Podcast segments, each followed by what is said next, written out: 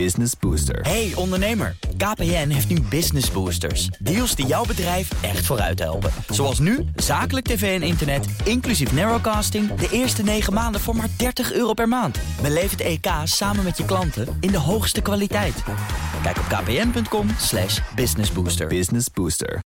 TUI en Aruba zijn trotse sponsors van de Friday Move. BNR Nieuwsradio. The Friday Move. Het klimaatakkoord dat er nu ligt, is op de rand van een doorbraak. Maar ik denk dat wij er allemaal recht op hebben dat 112 incident-proof is. Ze schieten hun haartjes af en die haartjes die zetten zich vast in je huid. Wilfred Gené. Het is de week dat de hitte Europa teistert, de processieruf mensen tot wanhoop drijft... en het klimaatakkoord eindelijk klaar is. We zitten vandaag in de Skylands Doubletree bij Hilton Hotel... in de beat zijn van DJ Thomas Robson.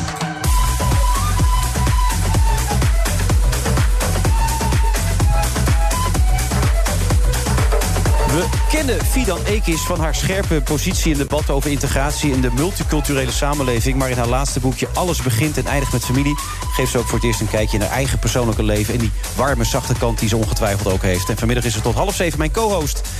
In het groenste kabinet ooit, is dat een feit of niet? Of is het een fabel? Na anderhalf jaar klimaatdrammen ligt er een klimaatakkoord. En we gaan erop schieten met de energiecommissaris Ruud Korenstra... die weer zoveel mooie dingen gaat doen. En VVD-Kamerlid Dylan Jesse Guls, als ik het zo goed uitspreek. Oh nee, dat spreek ik altijd verkeerd uit. Maar we komen er zo wel uit.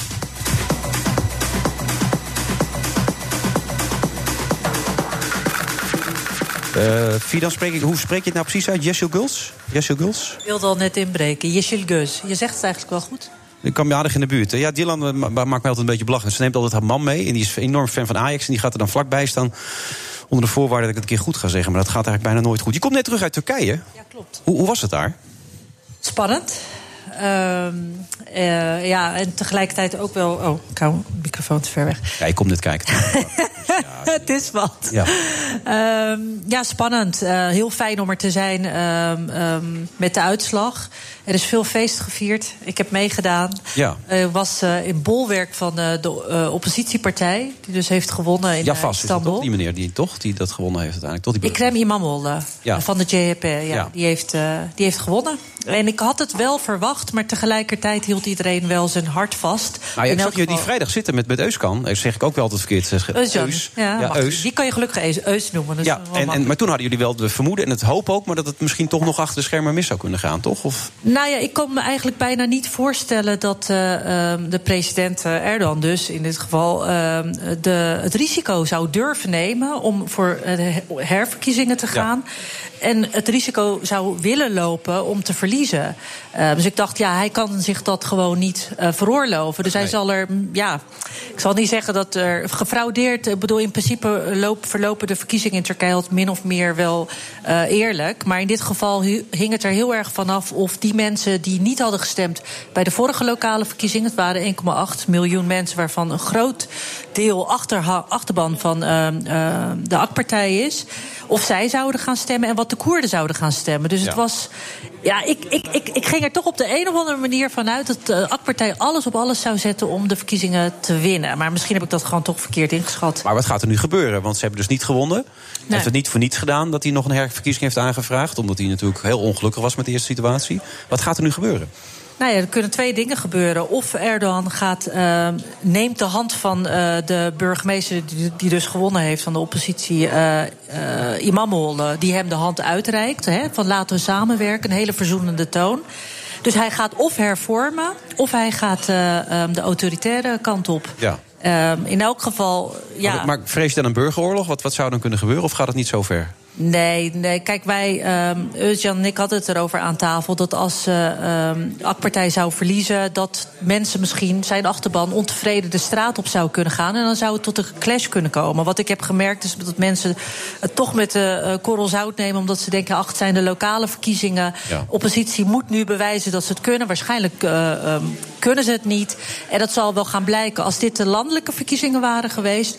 dan ja, vrees ik toch wel dat die fanatieke aanhang de straat op zouden, zou kunnen gaan. Maar wat ik wel merk is dat bij Erdogan en de AK-partij, bij Erdogan vooral. Um, eh, toch wel angst in is geslopen. Want er is verdeeldheid in zijn eigen partij. Dus ik denk dat hij niet anders kan dan voor die weg van hervorming kiezen. Ja, en dus de hand, de uitgestoken hand aan. De uitgestoken hand, dat zou het meest verstandige zijn. Maar we, we gaan het zien. En je hebt gejuicht, zeg je zelf ook. Kan dat ge- zonder gevaar? Nou, waar ik was wel. Ja? Want we, eh, toen de uitslag bekend werd, zaten we in een bolwerk eh, eh, eh, wijk. Eh, Üsküdar, waar vooral de achterban van eh, Erdogan zit. Mhm. Daar was het echt muisstil. En we zijn toen naar Kadıköy gegaan. En Kadıköy is echt eh, ja, een wijk van de oppositiepartij. en daar was het echt een enorme feestkabaal. En het was gewoon hartstikke gezellig en niks aan de hand. Ik heb dat toch verkeerd ingeschat. In die zin dat ik dacht... ehm, ja, het zal heel onrustig worden als beide partijen de straat op gaan. Maar ja, zoals ik al zei, blijkbaar denken mensen... nou, laat die oppositiepartij het maar... eh, laat ze maar bewijzen dat ze het kunnen. En tegelijkertijd is het ook wel een mooi signaal... in die zin dat, ja, we hebben gezien dat de democratie in Turkije wel werkt. Ja. Ja. Je praat makkelijk, hè? Gaat je makkelijk af. Ja, jij, jij ook, toch? Nou ja, ja, dat is waar misschien wel. Maar Ik vind dat ik nu helemaal niet uit mijn woorden kom. ik vind dat je prima uit je woorden komt. Oh, je. voel je je ook wel eens ongemakkelijk als je die kant op gaat? Met je uitgesproken mening hier in Nederland... en het eventueel Ja, negatieve gevoel wat daar kan ontstaan in Turkije dan, zo nu en dan? Ja, je had ons eh, moeten zien. Ik, hey, Dylan is eh, in de house. Ja. Zeg haar achternaam nou nog eens. Jesse Guls. Weet je niet goed? Nog zo geoefend. Ja, sorry. Waar is je man trouwens? Oh, die komt eraan. Die zet de auto even weg. Ja, nee, dan... Hij ik staat ook al te trillen. Ja, ja. Nee, ik moet oppassen altijd dan, ja. Nee, we waren wel. eh, ik ben met Erdal Baltjes, eh, corres- correspondent geweest ook in eh, Turkije. Tegelijkertijd met mij. Werkt voor de Volkskrant nu. Ehm, en ja, als je ons aan de grens had gezien, had je, had je gedacht: oh, ze zijn toch wel heel erg voorzichtig. Ik ging dan voor hem en bleef achteruit kijken of hij dan ook door de paspoortcontrole. Maar op je gemak ben je niet als je kan. Nee, nee, nee. We hadden toch zoiets van. ehm, ja, het is een beetje alles of niets nu voor de AK-partij, voor Erdogan. En dat zijn van die momenten. Momenten wanneer je problemen kan krijgen aan de grens, is het toch vaak wanneer. ehm, er ehm, politieke daad gesteld moet worden, spierballen getoond moeten worden. Zoals met het referendum in Turkije destijds en de verkiezingen in Nederland. En we hebben het gezien met die rellen in Rotterdam. Toen hing er wat van, daar hing wat van af. Dus het had best gekund, nu de spanningen zo hoog opliepen in Turkije, dat, dat er een daad gesteld moest worden. En we weten dat die SP er dus vast zit in Turkije al een Ja. tijd. En dat maakt ons toch wel zenuwachtig. Maar goed, eh, we zijn ik denk niet, ik heb een zoontje van vijf thuis zitten, ik doe het even niet. Dat denk je niet op zo'n moment. Nou, je klinkt nu net als mijn moeder. Ja, nou ja. Ik ben ook een stukje ouder dan jij, dus ik ben een beetje bezorgd natuurlijk Nee, ook. ja, ik moet heel eerlijk zeggen dat ik eh, echt eh, in een eh, dilemma zat voordat ik ging. En maar ergens in mijn achterhoofd, ik denk altijd, ja, ik vind mijzelf vrij genuanceerd. Dus ik, dat denkt niet iedereen over. Zeker niet in de Turkse achterban hier in, in Nederland, toch? Nee, ja, ik, ben- ik heb toch een bepaalde nuchterheid waarschijnlijk. Daar heb je gelijk in. En toch een bepaalde nuchterheid dat ik denk, ze hebben toch wel wat beters te doen. Maar inderdaad, weet je, als, Nou ja. als er die diplomatieke rel zou moeten komen en het komt goed uit. Ja, dan zou, dan zou er wat mis kunnen gaan. Maar blijkbaar vertrouw ik heel erg op, op Nederland. Alhoewel, als we kijken naar die SP'er en de moeder met eh kleine kind... dat al een tijdje vastzit in Turkije, denk ik... kunnen ze niet wat eh, effectiever en efficiënter optreden. Want Ja. het verbaast mij dat, dat ze die mensen daar niet wegkrijgen. Heb je ook gezegd, de Turkse Nederlanders hebben wat langere tenen dan de Turken zelf gewoon in Turkije, toch? Als jij dingen schrijft. Ja, dat vind ik wel. Ja. Waar komt dat door, denk je, dat ze hier nog langere tenen hebben dan? Je zegt trouwens, ze hebben waarschijnlijk wel iets beters te doen. Maar waarschijnlijk hebben ze niks beters te doen dan op jou letten. En, eh, En, dat en soort zaken. klikken dat ik eraan kom, bedoel Ja, je? dat soort zaken, ja. Ja, andersom. Maar ja, goed, dan moet Turkije altijd nog handelen. Hè. De- Ja. Ik bedoel meer dat zij waarschijnlijk wel wat beters te doen hebben daar in Turkije dan eh, zich met mij Maar bezig waar, waar zou het in Nederland aan, af, vanaf kunnen hangen dat ze zo gevoelig zijn?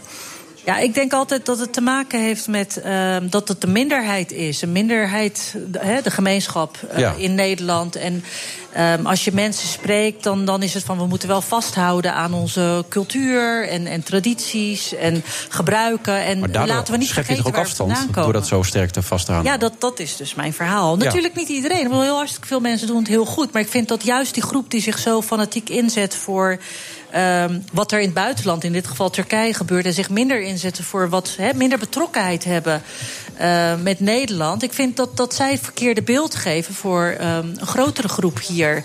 Ehm, en ik denk dat die mensen het ook allemaal met mij eens zijn. Dat, dat, dat je. Kijk, men zegt dan van ja, maar jij eh, vindt dat eh, de gemeens, Turkse gemeenschap hier ehm, zich niet zo vervreemd moet voelen van Nederland. En, en de focus op Nederland moet houden. Maar je hebt het zelf constant over Turkije. Maar ik denk van ja, weet je, ik ben er correspondent geweest. Ik ben nu, nu ook niet voor mijn lol naar Turkije Nee. gegaan. Ik ben gegaan om te filmen of als eh, Maar je journalist. bent gelijk ook een landverrader daarmee, toch? Zo wordt het door sommigen gezien. Ja. ja. Maar daar trek je je niets van aan. Nee, nee. Helemaal niets, eerlijk zijn. Helemaal Nou, niets? Kijk, als, het, eh, als, als er gescholden wordt eh, en eh, je wordt bedreigd en, en, en ze beginnen over je kind, dan, Ja. dan gaat het wel onder je huid zitten.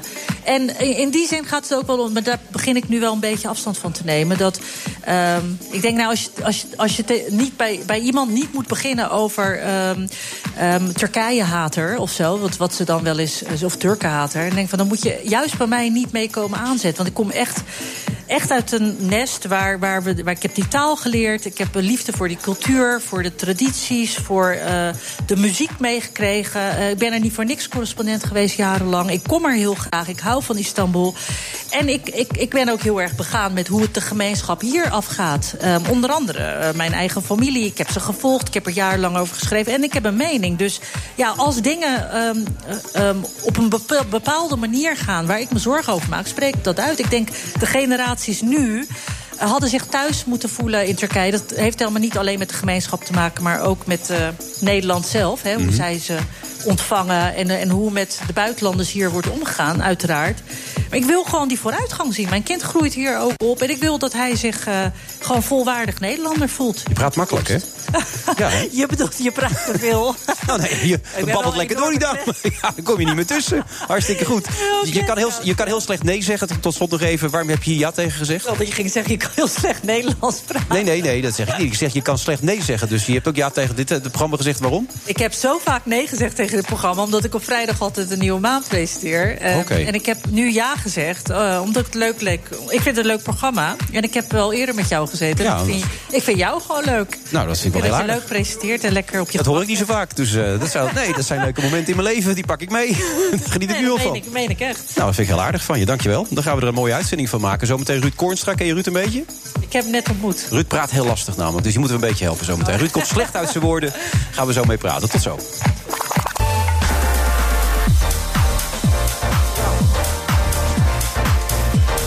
Move, vrijdag 28 juni. We hebben geluk de man eh, van eh, Dylan Jezuguls. is zojuist binnengekomen, dus dan kunnen wij ook beginnen. Anders kunnen we gewoon niet beginnen. Want als hij niet binnen is, dan komt Dylan er totaal niet meer uit. Dan weet ze niet meer wat ze moet zeggen enzovoort. Maar nu gaat ze absoluut uit haar woorden komen. Hetzelfde geldt voor Sophie van Leeuwen en ook voor Ruud Kornstra... die we absoluut hier doorheen gaan slepen. Ruud, daar zullen we alles voor doen om je te helpen. Heel veel dank al. Ja, ja. En Fidan Ekis. Ik moet zeggen, ik, ik, kan, hoe kan, ik kan zo slecht met een compliment omgaan. Ik word daar echt helemaal onhandig van als mensen dan iets positiefs over me zeggen. Ik ben, ja, dat heb ik altijd ook. Maar daarom kan ik hier gewoon zijn, want ik krijg hier namelijk Nee, daar hoef jij bang voor te zijn, inderdaad. Nee. De laatste keer was ook al een mooi moment, toch? Toen met, met Toen Britt ik met mijn zoon was, dat, de, dat, dat die blonde mevrouw... Britt Dekker, waar jou was dat? Ja, Brit, de blonde mevrouw. Ja. Eh, Ze zei dat het mijn kleinzoon was. Ja, dat vond je fijn toen. Ja, leuk. En normaal ben ik te dik. Ik ben 8 kilo afgevallen. Zag je dat goed, hè? Oh. Hier vier en hier Ja, bij je kind inderdaad. Ja. Ja. Maar ja, je gezicht je al 11 kilo afvallen. Dus dat is wel Ja, een beetje precies. lastig. Dat, nee, dat, dus wij maken een paar geintjes er nu en al. Ruud en ik, dat moet kunnen. Toch, Ruud? Ja? Of, of, of niet? Ja. Ja, Wilfred. Ja, nee. En jij doet net alsof je nooit complimenten krijgt. Ik krijg niet over mijn persoon eh, complimenten over het algemeen. Nee? Nee, dat iemand Waarover wel om- dan? Over je auto. Ja. De meest gehate presentator van Nederland. Ja, dat valt echt wel. Volgens Nou, mij vinden ja. mensen je gewoon wel sympathiek en gewoon goed in wat je doet. Nou, sympathiek niet altijd. Maar meestal over het algemeen worden mijn kwaliteiten nog wel redelijk gewaardeerd. Maar er wordt wel vaak bij gezegd, maar het is wel een lul, weet je wel. Dus, eh, maar ja, We to hebben the bij point. deze dan to the point. To the point ben je regelmatig een lul. Als je to the point bent. je bent Scherp, Ja, dat is doe toch wat anders dan... eh, Doe maar graag. Dylan, hoe zou jij het willen omschrijven? Je, je wilt een rondje Lul. doen over wat we allemaal van jou vinden? Dat, Nee, Prima, hoor. laten we gaan. Nou, dan kom ik zo wel bij je man uit. Dan wordt altijd vechten. Ehm, ben je blij? Ben je tevreden? Ja. Is het goed? Ja. Maar dat is toch hetzelfde akkoord waar eh, Klaas Dijkhoff van zei... ja, we denken dat niet dat we dit zo één op één gaan overnemen, toch? Want eh, zo zijn we niet van de VVD met die klimaatrammers. Toch? Klopt, klopt. Zo zijn we zeker niet. En het akkoord is eh, wezenlijk veranderd. En nu, nu vind ik het een goed akkoord. En waar is het wezenlijk in veranderd dan? Nou, wat je ziet is dat we waarschijnlijk, want die doorrekening moet er nog komen, maar je kunt er denk ik wel vanuit gaan dat we die doelen gaan halen. Zonder allerlei eh, bizarre pestmaatregelen voor mensen. Zonder dat je Rekening rijden en dat soort dingen. Eh, zonder dat de accijns omhoog gaan, MRB omhoog gaat, BPM omhoog gaat, dat zit er allemaal in. Ja. En er zit lastenverlichting in, hè. de belasting op je energierekening gaat omlaag. Eh, je gaat inderdaad niet meer betalen eh, als fossiele rijder. En... Het, Dylan, ik krijg steeds naar de lichaamstaal van Ruud Koornstra. Die staat te popelen om te reageren. Nou, dit, door. is, dit is nou de splijtswam van de VVD. Het Oh, mooie is, ik ben, We zijn het, glas, het glas is half vol. Ik vind dat jullie met, met dit kabinet eh, echt iets gedaan hebben waarvan ik nou, zitten heel veel knappe dingen in. Maar er moet natuurlijk veel meer. En wat zie je nou bij de VVD? Die denkt nog steeds, een groepje daarvan, en die noemen dat dan klimaatdromers, dat duurzaamheid duur is. En het mooie wat er vandaag doorcijpelt door jouw minister, die zei: jongens, het gaat geld opleveren.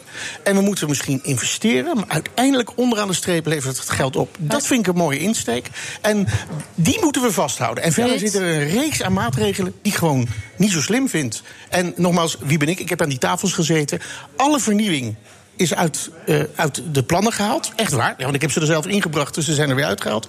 Eh, als nationale energiecommissaris. Maar ik ben voorzitter van MVO Nederland, de koplopers van MVO Nederland. De, de 2500, veel vaak MKB'ers die zeggen: jongens, we kunnen het anders beter doen, is momenteel niet opgenomen. Dat vind ik dus het, het, het, het jammere van dit verhaal. En daar hebben we nu de komende jaren de tijd voor om dat toe te voegen. En dan gaat het lukken. Ik Maar- zou je willen uitnodigen om die stukken eens, nog eens goed te lezen. MKB wordt juist nadrukkelijk een aantal keren eh, echt als, eh, als koploper en waar de innovatie zit en de kans zit er benoemd. Ik vind ook jammer eigenlijk dat je je betoog begint met een beetje een ouderwets beeld van Je hoe mag de het ook politiek sterker uitdrukken. Jammer is zo slap eigenlijk. Ik vind het belachelijk, zou je ook kunnen zeggen nu. teleurstellend van. Nou ja, dat is ook zo slap. Teleurstellend. Je vindt het gewoon belachelijk. Nee, ik vind, het, ik vind het echt teleurstellend. Oh. Eh, dat de VVD daar. Weet je, we hebben hier een VVD-minister, een minister-president van de VVD, een fractievoorzitter van de VVD. Die allemaal hebben gezegd: we gaan het doel halen. Op een manier dat iedereen het in Nederland mee kan maken. En vandaag hebben we bij de presentatie gezien dat dat is wat er voor ligt. En dus dat is gewoon zei. mooi en En dat ik- omarm ik. en En, ik zei daarna ga ik je zei mij juist, uit. dat vond ik gaaf. Dat, ik heb met al die mensen de afgelopen jaar hard gewerkt. Dus gaaf. Alleen, we hadden het over dat het werd genoemd door een deel van de VVD. En Klaas Dijkhoff was daar één van.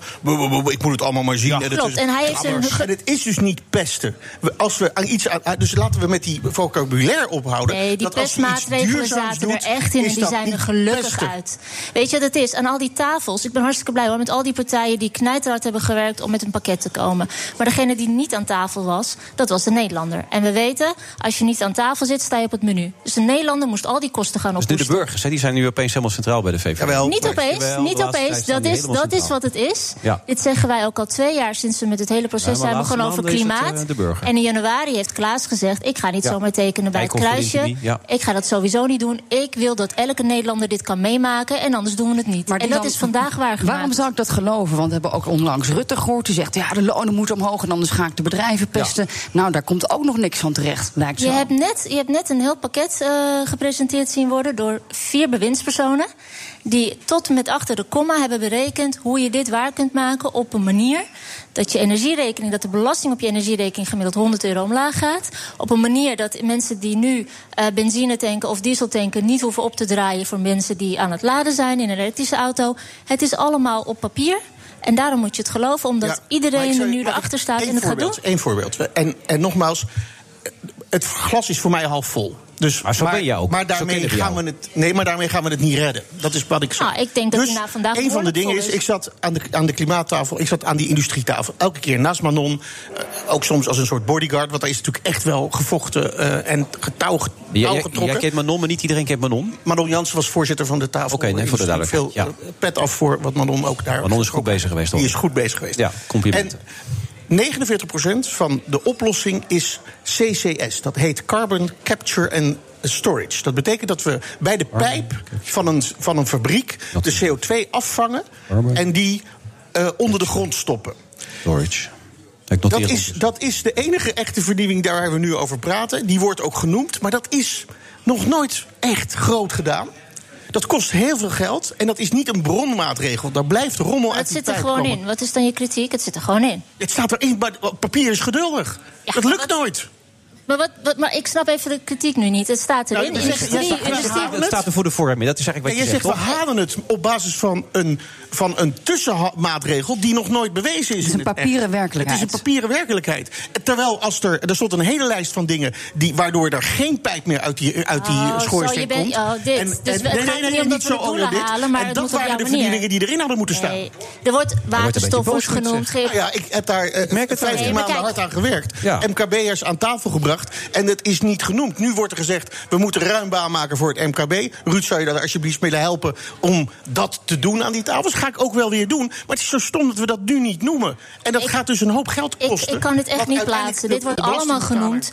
Met alle respect, ik kan het echt niet plaatsen. Het wordt genoemd, MKB wordt genoemd, eh, CCS is een optie, we halen de doelen. Er zijn mensen, dat zag ik dat zag ik online. Zoals de milieuorganisaties die narrig zijn omdat het niet wordt gehaald op hun manier. Dat kan. Ja. Waarvan akte. Ik vind het belangrijker dat we het gewoon halen, die doelen, op een manier dat alle Nederlanders. Maar jij zegt tijd, we halen die doelen. Maar ik, ik begrijp dat niet. Want heel veel eh, dingen zijn helemaal niet concreet.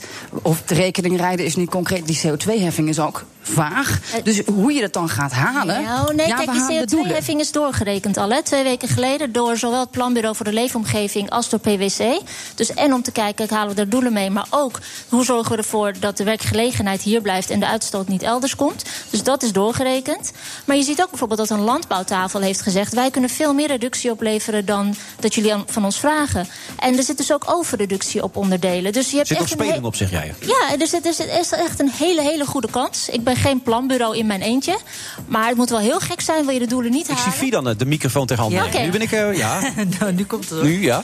Nee, ik, eh, iemand zei vandaag eh, online op Twitter, zag ik, van het, is, eh, het wordt een akkoord genoemd, maar het is eigenlijk een voorstel omdat de maatschappelijke steun zo laag is. Is dat zo? Het is Hoe een groot pakket- is die? Want die was op een gegeven moment enorm gedaald. Hoe, hoe, hoe staat het nu onder Het is- de burgers? Dat is een goede vraag. Het is een pakket van maatregelen. Dus inderdaad, een akkoord zou ik het zelf niet snel noemen. Maar het is een pakket van maatregelen gepresenteerd door vier partijen... die, van, die met elkaar wel een heleboel zetels hebben... waarvan ik denk dat de achterban, Zeg maar ook van andere partijen... Ja, eh, waarvan ook andere partijen volgens mij echt gewoon hier dit kunnen omarmen. Omdat je en je inzet om Nederland op een schone manier... een goede manier door te geven aan de generaties na ons... maar ook op een manier dat we het allemaal vandaag gewoon mee kunnen maken. Shell en Tata Steel worden die genoeg belast? We moeten die genoeg mee bijdragen in dit, in dit akkoord? Ja, er, er is nu een verstandige CO2-heffing aan toegevoegd. Dus zij betalen nu en op Europees niveau voor een heffing. En zij gaan Nederland voor het eh, deel wat zij, niet, eh, wat zij hadden kunnen vermijden in de uitstoot, gaan ze ook betalen. Eh, plus zij gaan onwijs veel geld investeren hier in de verduurzaming. En ik wil dat het geld hier blijft en de banen hier blijven. En daar Ja? denk ik dat Ruud en ik eh, elkaar wel vinden, toch? Mag ik een voorstel doen? Alsjeblieft. Ehm, laten we de komende maanden het, het talent van Nederland... het innovatieve talent, de vernieuwers... MKB'ers, sommige mensen van de universiteit... Dat is, dat is een bak aan... dat kost geen geld, dat levert geld op. Laten we die mensen nou eens... de projecten die zij hebben, laten we die nou eens doorrekenen. En dan blijkt dus dat heel veel maatregelen... die nu nog geld kosten... waar alleen maar bijdragen dat het geld gaat opleveren. Dat, een, dat de huidige energierekening... die wordt nooit eens aangehaald als zegt... dat gooien we elke week in de put. Elke maand gooi jij die rekening in de put. Als je dat geld nou eens ergens anders in stopt... namelijk in een investering in duurzaamheid... dan blijkt dus dat binnen zeven jaar, vier jaar... en in sommige gevallen tien jaar... dat je daarna geen energierekening meer hebt. Da- dat wordt niet genoenoemd. Daar laten we Dylan zo even op reageren. Dat is een mooie teaser dit. Het was wel mooi weer. Je bent met de boot gekomen, toch? Wat zei je? Je bent met de boot gekomen? Elektrische sloepdelenbootje, ja. Ja. Zo'n- elektrische Ja? Deelboot. Het was mooi weer, wilde je zeggen, en toen? Nou ja, het was, er was een goede stemming. Dus er zit nu een goede stemming in. Maar laten we nou eerlijk zijn, als we door willen pakken... dan moeten we die vernieuwers de ruimte geven. Dan moet je met die MKB'ers aan Gaat ze zo op antwoorden. En dan Hou moet dat die- vast, Dylan. En dan, en, Als je even bij je man wil gaan zitten om even bij te komen... in de volgende ronde, hè? Nou, ga jij nog de even naar de muziek? Tot zo. 12 juli gaan we met de Friday Move naar Aruba. Op het strand heb ik dan als co-host radio-dj Fernando Halman. Sander de Kramer zorgt voor de zonnebrandolie. Mickey Hogendijk maakt de vakantiefoto's. D brengt een bak positiviteit met zich mee. En het Wiegers Maduro bereidt de cocktails. De Friday Move, 12 juli vanaf 4 uur live... vanaf een zonovergrote Aruba. Luister je mee? BNR Nieuwsradio. The Friday Move. Maar ik denk dat wij er allemaal recht op hebben dat 112 incident-proof is. Het klimaatakkoord dat er nu ligt, is op de rand van een doorbraak. I'll have a very good conversation with him. What I say to him is none of your business. Wilfred Genee. Ruud Korstra is op dreef. Hij vindt het klimaatakkoord totaal niet vernieuwend. Er kan zoveel beter allemaal. En dan mag een reactie opkomen van uh, Dylan Jasjokulus.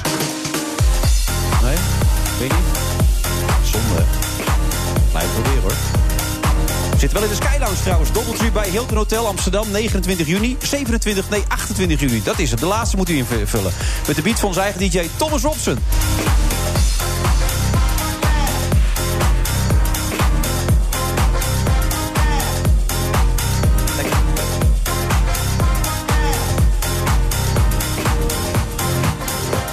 Politiek eh, verslaggever Sophie van Leeuwen is aanwezig. En Fidan Ekis, die zich een beetje buiten discussie wil houden. Want die zegt van zichzelf, ik weet er misschien te weinig van. Maar dat maakt niet uit, hè. Gewoon alles erin gooien wat je voelt. Ja, ik heb al iets. Ja? Wat is jouw, hoe, hoog is jouw, hoe hoog is jouw energierekening? Hoe hoog is jouw IQ?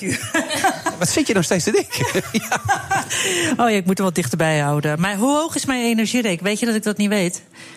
Maar je woont nu toch alleen met je zoontje in Rotterdam... en heb je eigen woning en Ik dan heb een eigen woning, krijg je een factuur binnen... en dan staat dan op wat je moet betalen. Ja, ik heb, ik heb het nog niet.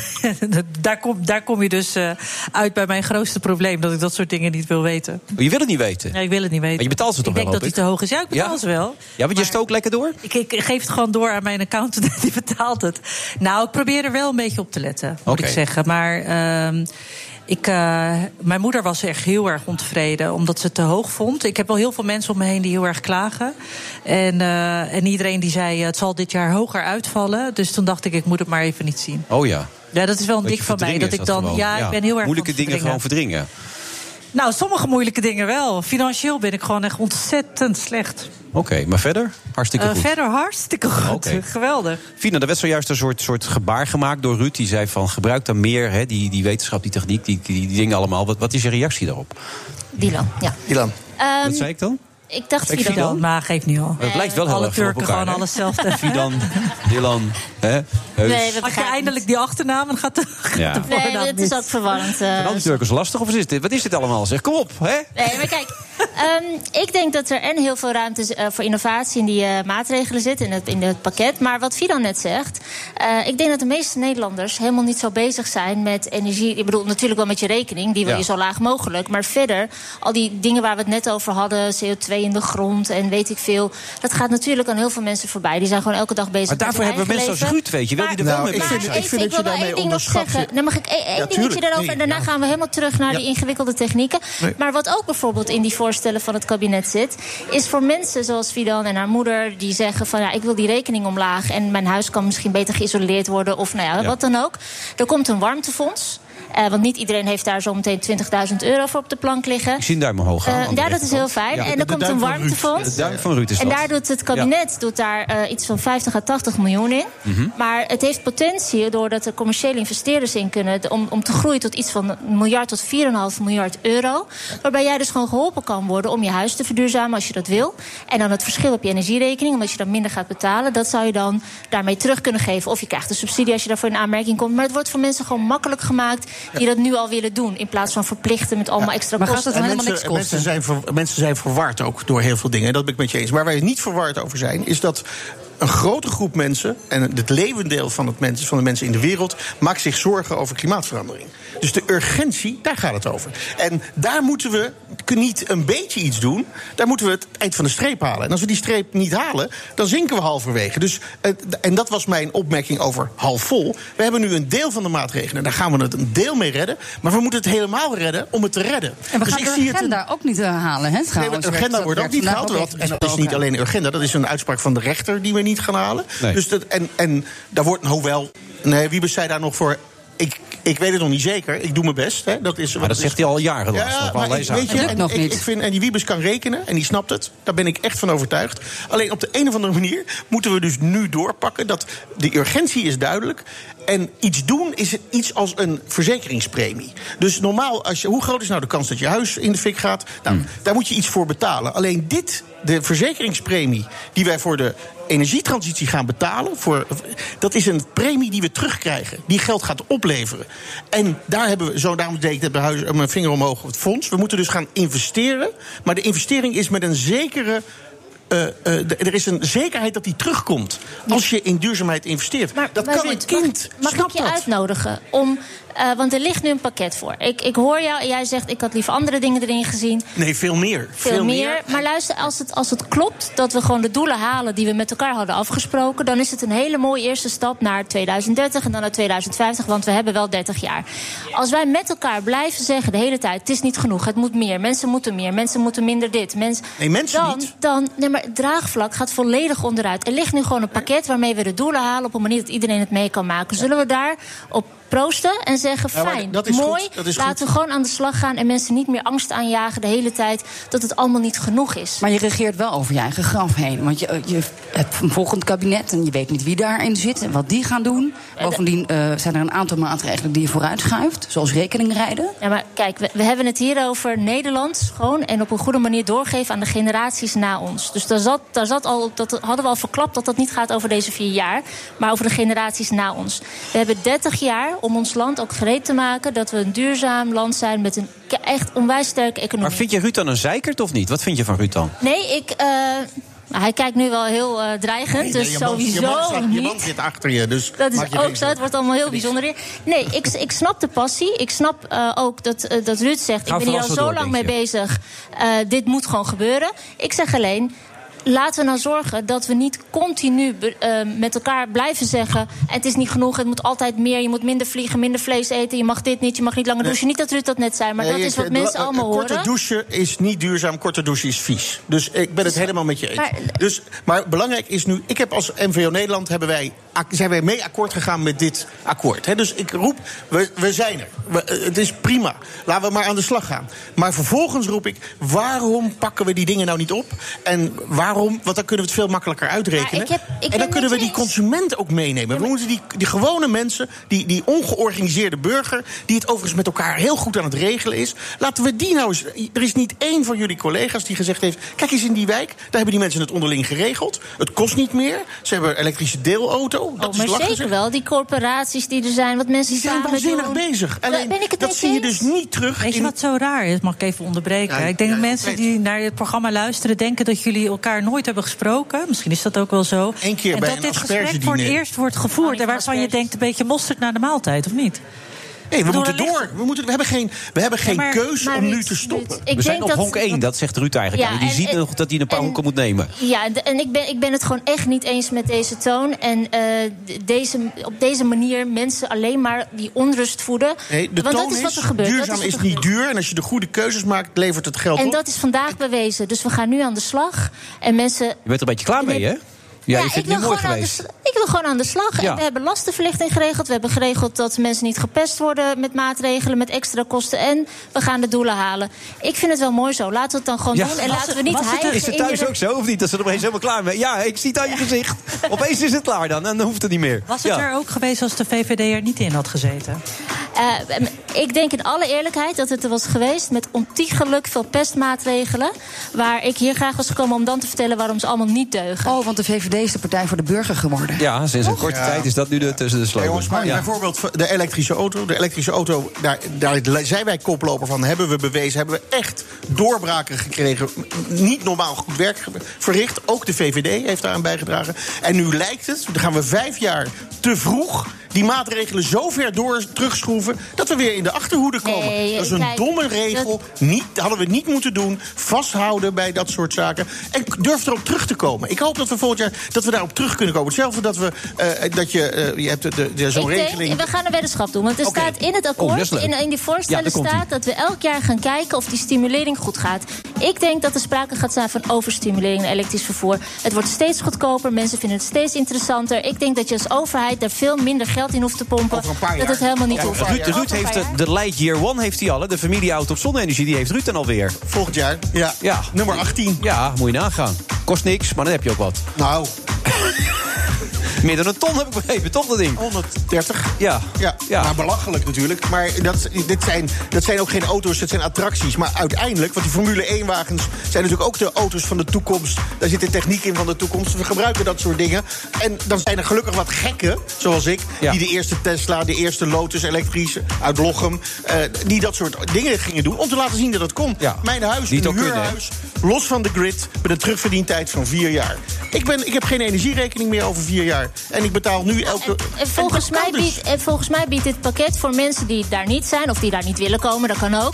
genoeg mogelijkheden om het ook allemaal mee te maken. Dat de auto's ook bereikbaar worden voor mensen die dat willen, elektrische auto's... en voor mensen die dat niet willen of kunnen... dat je Ja. die niet gaat Maar belasten mag ik dan één ding aan jou kosten. vragen? Wil Ja? jij mij dan helpen dat op het moment dat we zeggen... dit zijn stimuleringsregelingen voor goedgekeurde bezuinigingsmaatregelen... en dat goedgekeurde, daar zit het klinken in. Want ik heb mensen die een nul op de meterwoning hebben... en die hebben energielabel D of G.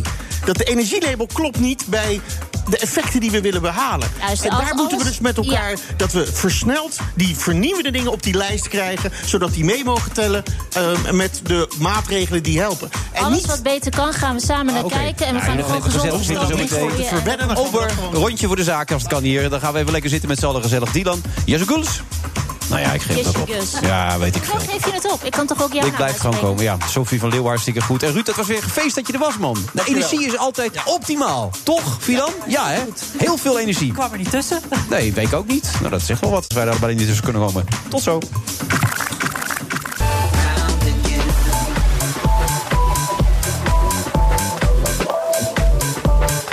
Was een eh, energiek gedeelte in deze uitzending van de Friday Move. Vrijdag 28 juni, dan is het morgen 29 en was het dus gisteren 27... voor de mensen die dat even willen bijhouden allemaal. We zitten in de Sky Lounge, Doubletree bij Hilton Hotel in Amsterdam. U kunt langskomen, hebben mensen in grote getalen gedaan.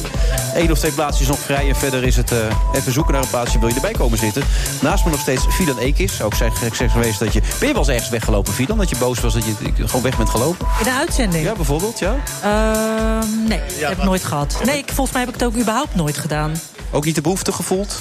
Mm, ja, misschien wel de behoefte gevoeld. eh, tijdens een debat of zo. Maar ik heb het nooit gedaan. Ik heb altijd nog wel. ook, of niet? Of staat je er niet meer bij?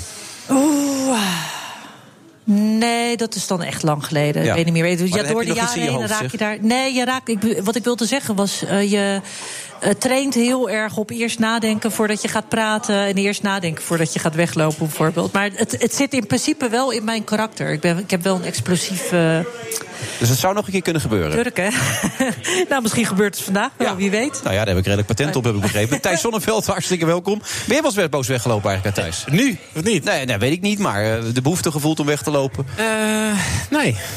Nou, oké. voor alles Misschien try me. Ja, nou, nee, zo ben ik niet. En Stef Clement, jij dan wel? Want je hebt vaak genoeg met mij gezeten. Heb ik ooit de behoefte gevoeld om weg te lopen? Bij jou heb ik nooit eh, de behoefte om weg te lopen. Nee? Nee. Bij wie wel dan? Ehm, nou, ik heb dat vast wel eens gedaan, mijn kennende. Maar ik ben, ik ben het even vergeten. Ik zou net zeggen, het past in jouw karakter om dat wel te doen. Ja, zeker. Maar ik hoorde net dat je ook kunt leren om te denken voordat je gaat praten. Dat is misschien wel iets eh, voor mij eh, na de uitzending. Nou, dat zou ik zelf ook wat vaker moeten doen, ben ik de laatste week achtergekomen. Maar dat is natuurlijk eenmaal lastig, hè? Dat is de impulsiviteit die jou kenmerkt, die volgens mij jou ook kenmerkt. En die moet je ook niet kwijtraken, want dan ben je niet meer authentiek. Nee, dat is waar. Maar je kan wel, je kan echt eh, met eh, een paar seconden kan je die omslag al in je hoofd maken. En denken: oké, ik ga heel erg voor schut staan als ik wegloop. En dat is heel erg kinderachtig. Ehm, dus niet doen. Oké. Er zijn andere dingen waar ik minder controle over heb. Bijvoorbeeld. eh, ehm, Naast je nou, energierekening, maar ja. ja. Naast mijn energierekening, inderdaad. Eh, nee, ik ben bijvoorbeeld altijd bang dat ik eh, live op televisie zou kunnen overgeven van de zenuwen. Waar? Ja. Je zo zenuwachtig En, en dat, ja, kijk, ik heb het nu niet, maar ik heb het op televisie wel vaak. Ook, ja. Vorige week ook bij Pauw. Ben jij nou zenuwachtig? Nou, toen viel het gelukkig mee, maar toen hebben we heel veel gin tonic Oh, dat is de oplossing. Ja. Ja, ik met Tatum Dagelet. Die zei, nou, ik neem een gin- gin En Jeroen uh, Pauw... Maar die neemt er eh, altijd eentje, dus sowieso Precies, eentje, en ja. eh, ik dacht, ik doe gewoon mee. En dat hielp. En ik hoop niet dat ik eh, dat eh, nu helemaal eh, ga invoeren. Maar het hielp wel. Ja. Maar dat is iets waar je geen controle over hebt. Nee. Meer, daar heb je minder controle over dan wanneer je boos bent. En tijdens dat gesprek denk ik, nou, ik kom er gewoon niet uit. Ik loop nu woedend weg. Mhm. Ehm, daar kan je echt wel even over nadenken. Maar als iets fysiek controle van je lichaam overneemt, namelijk misselijkheid en. Ja, daar doe je niks aan. God, als ik, Hoe, hoe als ik vaak het is het jou gebeurd dan? Als ik het Dat zeg, word ik al misselijk. Dat er mensen wegliepen uit je uitzending? Nee, de laatste keer was Thierry Baudet. Maar die komt trouwens zondag langs bij Café Hendricks en Gené. Dan gaan we de strijdbel eh, begraven. En dan eh, is alles weer goed tussen Thierry en mij. Zou jij het kunnen doen? Weglopen? Ja. Nee, nee, nee. Ik vind het juist veel te leuk als er wat gebeurt. Dus het is veel Oh, leuker om ja, dan te ja. blijven. Om te kijken of er nog meer... Heb jij eigenlijk spijt van het boek over Thomas Dekker? Nee, nul. Nee, nul? Want je hebt er veel mensen mee gekwetst. Althans, Thomas heeft er veel mensen mee gekwetst in Ja, het vak. ja, ik dus ook, ja. ja. Ja. Ik geloof dat Stef het ook niet mee eens was destijds. Die, die eh, kwam ook ergens niet opdagen, toch, Stef? Bij eh Brabants Wielercafé, geloof ik. Ja, nee, maar dat ging over, eh, en dat heb ik je al vaak uitgelegd. Dat ging erover dat ik. eh, Ja, maar daar waren niet allemaal mensen bij. Dus Oké, nee, dat zou ik Nee, nog wel dus- een keertje ja. uitleggen. Ja. Ehm, ik was al een half jaar van tevoren geboekt voor een wielercafé in Os. Dat is zeg maar het wielercafé van eh, Oost-Brabant. Ja. Dat is toch wel een dingetje natuurlijk. Ja, lijkt me wel. Tuurlijk. En ik eh, hoorde eigenlijk de dag van tevoren dat eh, Thomas zou komen. En in die week, denk ik, was jullie boek uitgekomen. Dus ik eh, stelde mij voor dat dat een, een soort boekbespreking ging worden. waarin ik eigenlijk geen, geen figurante wilde zijn. En toen heb ik me afgemeld met de boodschap dat ik een keertje terug zou komen. Als we het daarover konden hebben waar wij het over zouden hebben. Dat, ja, maar je had niet het gevoel dat je daar iets aan toe kon voegen op dat moment? Want het boek was nog wel... nou ja, zou ik niet zeggen omstreden, maar er kwamen wel dingen voor waar heel veel mensen ongelukkig van werden. Had je niet de behoefte om daar iets van te zeggen dan? Eh, nee. Ik heb, eh, en, dat was, eh, en, en daardoor kwam ik in de spagaat. Omdat ik de behoefte dus niet had, Nee. moest ik me afmelden voor dat wielercafé. En doordat ik dat deed, kreeg ik juist nog meer vragen.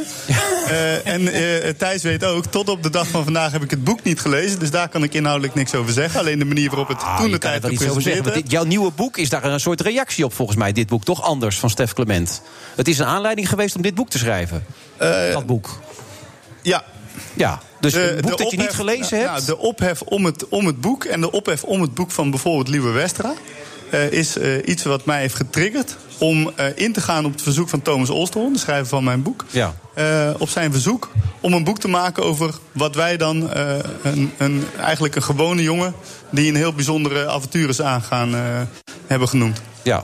Want dat jou stoorde was dat de Omerto eigenlijk doorbroken was, toch? De Omerto uit de, uit de wielersport in het boek van Thomas onder andere. Nee, want ik heb het boek niet gelezen. Nee, je hebt er genoeg Wat- over gehoord om te nou, kunnen stellen wat, wat mij- nee, daarin wat mij, is. Wat mij stoort is dat eh, eigenlijk uit die boeken bij beide presentaties eh, een deel is gelicht. eh, wat blijkbaar ook geen recht doet aan het hele boek. Nogmaals, ik heb het niet gelezen. Wat geen recht doet aan het hele boek. Waarom heb je het niet gelezen? Bewust niet of geen tijd gehad? Of... Nee, ja, omdat het, me, omdat het me niet boeide. Ik heb Thomas meegemaakt als renner. Ehm, tot een bepaalde periode. En daarna eh, zijn we eh, verschillende wegen ingeslagen. En eh, ja, goed, dat hij, als hij daar een boek over maakt... dan verplicht het mij natuurlijk niet om dat boek te lezen. Het triggert je toch wel? Nee, nee want dan had ik het wel gedaan. Als het Ja, mij echt had getriggerd, had, het, had ik het wel gedaan. Ik heb het boek van Liewe ook niet gelezen. En ik heb achteraf begrepen dat ook daar in de present- presentatie van het boek zeg maar, vragen zijn- gesteld. Op de inhoud die dan gingen over stukken van hè, in, in mijn tijd als je geen, eh, geen middelen eh, gebruikte die op het randje waren van, kon je geen wedstrijden winnen. Terwijl het boek blijkbaar gaat, het beest, eh, gaat blijkbaar over zijn depressie. Maar dat vond ik niet eh, goed eruit gelicht. En het boek van Thomas gaat blijkbaar ook over iets heel dan anders je dan dus handdoekjes. Juist een boek lezen om het hele beeld te krijgen. Nou, zoals ik jou vorige keer, en dat is twee jaar geleden ook al heb uitgelegd, moet ik geen enkel boek lezen. dus ja. Nee, maar het is wel grappig dat een boek dat je niet gelezen hebt... uiteindelijk de inspiratie is geworden voor een boek dat je zelf schrijft. Dat is best apart. Nou, nee, want nou, nou eh, maak je de rol van die boeken te belangrijk. Nou ja. De, de inspiratie, de, de vraag kwam van Thomas. En ehm, eh, ik ben erop ingegaan omdat ehm, hij kwam met een voorstel dat we een aantal gesprekken zouden doen op de fiets. En dat hij daarmee een beschrijving zou maken van hoe ik mijn sport beleefde in de laatste twee jaar van mijn carrière. Misschien voor Vie dan even aardig. Ken je eigenlijk deze twee mannen? Zegt het je iets? Ja. Ja, Je moet wel met de microfoon niet Oh, naar sorry, ja, wijzen, maar echt in praten. Ik ben Ja. heel lang niet met een microfoon, handheld Ja. microfoon in mijn hand. Matthijs ken je. Thijs ken ik. ehm, Maar uit de krant, wij zijn collega's, hè? ja, wij zijn collega's, ja. Bij welke organisatie is dat dan? Bij de NOS. Algemeen Dagblad natuurlijk. Algemeen Dagblad. Ja, maar jij schrijft eh, regionaal, hè? Dus zo, ja, waarom, waarom staan jouw columns niet landelijk eigenlijk? Nou, ze hebben wel eens landelijk gestaan. ehm, en er is ook wel af, ja, een paar keer gesproken over landelijk. Maar ik vind regionaal heel leuk. En landelijk gaat misschien ook nog wel een keer Ja, komen. nee, lijkt ik me wel. Er wordt een tijd voor nu, dan. Hè? Ja, nou ja, het wordt het- regionaal. Het is bijna zover dat je niet meer de ex van, de ex van Wieduk bent... maar dat hij de ex is van Fidan. En dat moment heb je bereikt op het moment dat je landelijk met die column gaat. Zo gaat het gewoon. Zo werkt dat. Oh, ik dacht al, ik heb zijn naam nog niet gehoord. Nee, nee, maar dat, willen we, dat gaan we bij deze omdraaien. We zitten hier nu gewoon met enzovoort. Maar eh, Steffen is een begenadigde renner geweest. Die is er een, tijdje geleden maar stopt omdat het Jawel, lichaam, ken hem, ik ken hem wel. lichaam niet meer werkte. persoonlijk. En een man die eh, het hart op de tong heeft, zoals we het zo mooi zeggen. Toch? Zeker. Ja. En eh, dat zei, die deed hij laatst over Primoz Roglic ook. En dat, dat pakte heel goed uit, toch? Toen je dat zei. Dat hij reuzenstappen had gemaakt enzovoort. En dat je verbaasde erover en zo. Dat pakte goed uit. Het, je is niet, het, het heeft blijkbaar eh, heel wat losgemaakt, inderdaad. Zo kun je het ook Dat, omschrijven, eh, ja. dat dik oog wat ik hiermee zit, is, is van gewoon de oogontsteking. Hè? Die, Ja. er zijn nog geen klappen gevallen, jongens. Nee, maar je werkt nog wel steeds voor Jumbo. Bij mij weten wel. Ja? We hebben binnenkort een gesprek. Oké, daarover. Dat denk ik wel. Oké, dit is nog steeds niet, heeft nog niet plaatsgevonden, dat gesprek. Eh, nee. Dat is wel een tijdje geleden dat je die eh, wat kritische dingen over Primoz Roglic zei, namelijk. Ja, en ik sta ook weer te trappelen om te gaan werken. Alleen ik was voorlopig eh, ja, was ik nog niet uitgenodigd. Oké, opmerkelijk. dat gesprek? Sorry? Heb je er zin in? Ja, omdat ik graag gewoon door wil. Ik bedoel, ik vind het allemaal heel, eh, heel lang gaan over iets eh, wat volledig uit de context eh, getrokken is. Wat volledig in het verkeerde keelgat eh, geschoten is. Ik begrijp dat jij er ook iets over hebt gezegd. Ik heb het op een gegeven moment gewoon laten varen. Ik ben lekker drie weken op vakantie gegaan. Na de vakantie wilde ik gewoon terug aan het werk.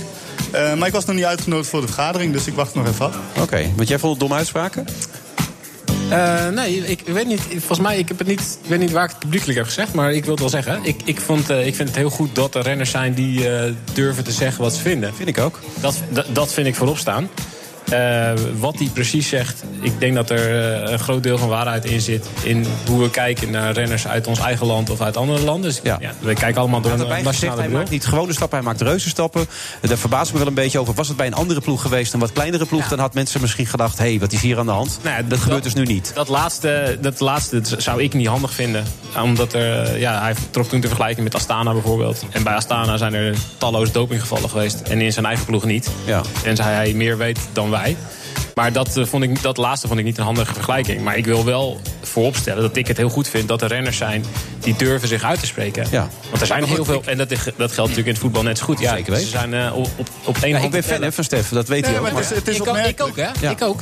Het is opmerkelijk dat ten eerste, ik, ik ben eh, in zoverre geen lid meer van de ploeg. Ik werk als eh eh, ZZP'er ZZP'er, hè, nu, voor de ja. NOS en eh, voor Jumbo-Visma en voor nog een aantal andere organisaties. Ja, en ze kunnen je bellen voor nog meer dingen. Ja. Zeker.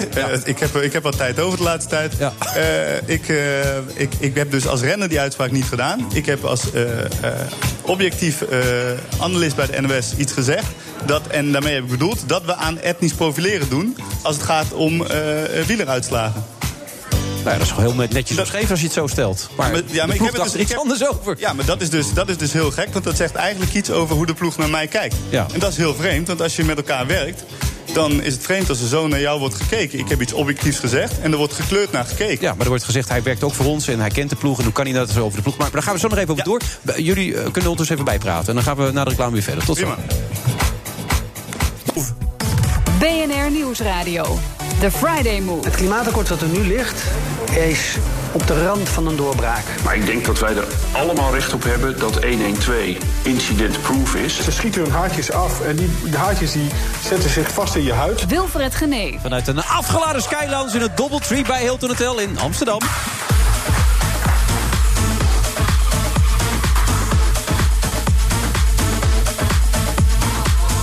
De macht van de Turkse president Erdogan is na zijn nederlaag deze week niet meer vanzelfsprekend. Journalist Fidan Ekis peilde de stemming deze week in Turkije. Daar heeft ze al het een en ander over verteld. Maar daar kan ze vast en zeker nog zoveel meer over vertellen. Want spraakzaam is ze wel degelijk.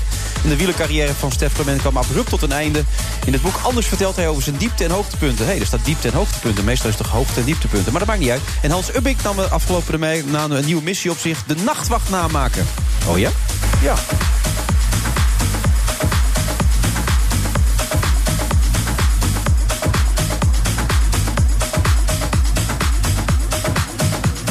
En ook eh, collega sportjournalist Thijs Zonneveld, althans collega van het AD van Vidan, eh, zit er ook nog steeds. Wij waren natuurlijk ook collega's, me opeens te binnen toen ik nog een column schreef. Ik heb heel lang columns voor het AD geschreven, dat klopt ja. Thijs, heb jij het boek gelezen van, eh, van Stef? Nee, hij gaat mee naar Frankrijk. Oké, dus je kan er nog niets over zeggen. Ik zeg er nog helemaal niks over, want ik heb het nog niet gelezen. Maar heb je de behoefte om het te lezen? Zeker, zeker. Ja? Heb je niet het gevoel van, nou, ik eh, laat het lekker aan me voorbij gaan... omdat het een reactie op mijn boek is? Of, eh? Nee. nee? ja, des te interessanter als dat zo is. Ja, dan wil ik het wel graag ja? lezen. Hoe zijn jullie eigenlijk samen? Eh, nou, we, we hebben hele goede gesprekken altijd. Dit vind ik altijd heel leuk. Want we zitten, we zitten wel eens bij... eh, we komen elkaar tegen in de Tour of zo. Wanneer was de laatste keer? Eh, twee jaar Na- geleden. Na de avondetappe. Ja, twee jaar geleden daarin eh, in eh, Wallonië. Ja. Dat, dat waren goede gesprekken, Stef. Klopt dat? Maar toen hebben we echt... Dat Nee, was, dat zeker. was eigenlijk had je daar een camera moeten zetten. Hadden we het... Het was heel grappig, want eh, iemand van jouw redactie die belde mij van de week van... eh, vind je het oké als Thijs eh, bij jou in de... ja, natuurlijk vind ik het oké. We hadden bijna Ik, hetzelfde ik shirt werkte niet meer, hè, voor de duidelijkheid. Ik, of van dit, oh, dit programma. Dit- programma, ja, ja, ja. Oké, ja. En? Je, en vond je niet geen probleem? Nee, natuurlijk niet. Oké. Ik heb wel lang getwijfeld. Ja? Hij was ook iets later. eh. Ja, Vind dat je het niet moeilijk om eh, je eh, objectiviteit te bewaren? In, in jouw vak lijkt me best wel moeilijk. De een vind je aardig, eh, ander... Ik neem me aan met zo'n boek van eh, Thomas... dat je dan in dat kamp wordt geschaard. Nou, als je de- Michael Bogen erover spreekt, kan ik je vertellen. Ja, precies. Ik was erbij toen, dat was gezellig. Ja. Die heeft er zo zijn idee over. Nee, ik heb er eigenlijk niet, ik heb er niet zoveel moeite mee. Ik heb wel snel beseft eh, dat het wel het een of het ander is. Of je bent vrienden met iedereen en je, houdt, je maakt deals en je houdt mensen de hand boven het hoofd. En je, je, glibbert een soort door die, door die sportwereld heen. Of je bent eh rechtlijnig en eh, je schrijft en ziet op. En je, of je schrijft op wat je vindt, of wat je zegt, eh, je zegt wat je vindt. En dat betekent dat je soms mensen tegen de haren instrijkt... en dat je niet altijd even veel vrienden maakt. Maar ja, ik vind het belangrijk dat mijn vrienden mijn vrienden zijn. Ik vind Ja. het niet per se belangrijk dat sporters mijn Maar vrienden dat moet toch ook het uitgangspunt zijn? Je moet toch nooit vriend willen zijn eh, daarbij je werk slecht doen. De, de, de essentie is toch je werk goed doen. Daar gaat het toch om, dat is toch de kern? Ja, dat denk ik wel. Maar ja, eh, ik, ik denk dat jij ook genoeg journalisten kent die er niet zo in staan. Nee. Ja, maar vrienden is natuurlijk ook een ander woord. Je weet ook bij talkshows. eh, ik heb heel lang bij Pauw en Witteman gewerkt. Ehm, en als wij politici uitnodigden voor de uitzending... en iemand ging ontevreden weg... je had het net al over Baudet die wegliep uit de uitzending. Als iemand ontevreden wegloopt... ja, dan moet je er toch wel voor zorgen dat je niet weer vrienden wordt misschien... maar dat je wel gewoon weer ehm, op goede voet staat met elkaar. Want je wil zo iemand toch wel weer uitnodigen. Dat Ja, is wel een beetje wel het bij lastige poli- aan ons bij- vak. Bij politici is het nog wel anders. Want die, ik denk dat die vaker en meer beseffen dat ze eh, de pers andersom ook nodig hebben.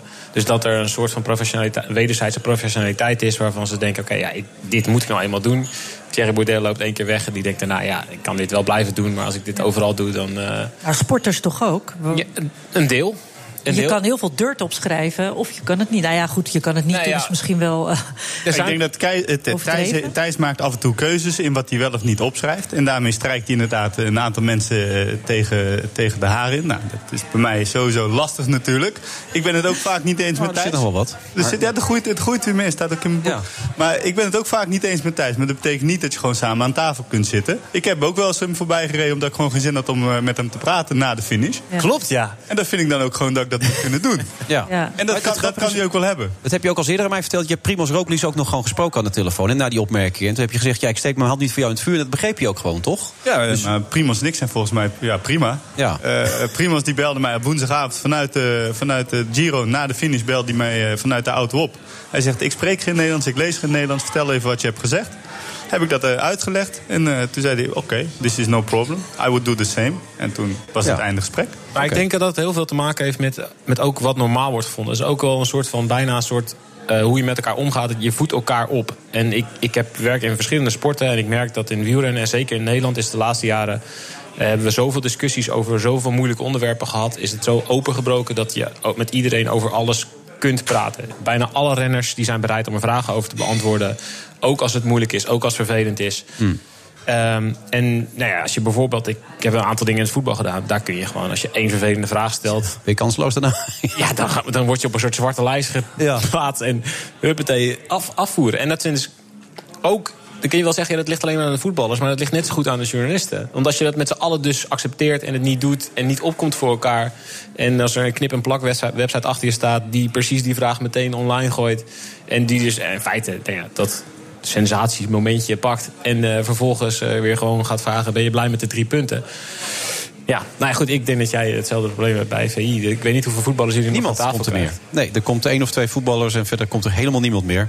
Wat niet eens zo erg is trouwens. We komen er prima uit met het groepje waar we mee zitten. Jij probeert hier je eigen verhaal te vertellen. Het verhaal van de jongen die is bereikt heeft, zeg maar, op zijn manier. Dat is toch een beetje de bedoeling, toch? Nou, de bedoeling is eh, eigenlijk om eh, eh, inderdaad eh, de andere kant ook te laten zien. Ehm, je hebt een bepaald beeld als televisiekijker, als wielervolger. Ehm, en dat beeld wordt ook gevoed door eh, bepaalde boeken. En eh, ik heb het altijd heel anders beleefd. Ik heb ook een boek gelezen, ik heb wel boeken gelezen, bijvoorbeeld over eh, Gele Koorts van Michael Rasmussen, Tour van 2007. Ik was in die Tour als renner. En ik zat in een volledig andere wereld, heb ik ontdekt. Ik stond, eh, toen ik dat las, dat was eind 2014. Toen dacht ik echt van, ja, maar... Heb ik wat gemist? Ja, ik heb, nou, ik heb zeker Ja, hebt gemist. alles gemist. Ik heb alles gemist, snap je?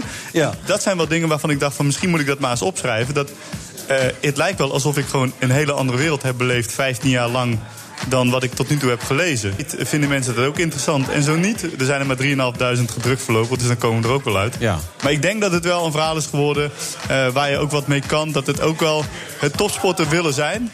eh, daar betaal je ook wel een bepaalde tol voor. Nou ja, jij bent ook topsporter geweest. Je nieuwste boek, De Fiets, De Fiets. Wat moet daaruit naar voren komen voor jou dan? Wat is daar eh, de doelstelling mee geweest?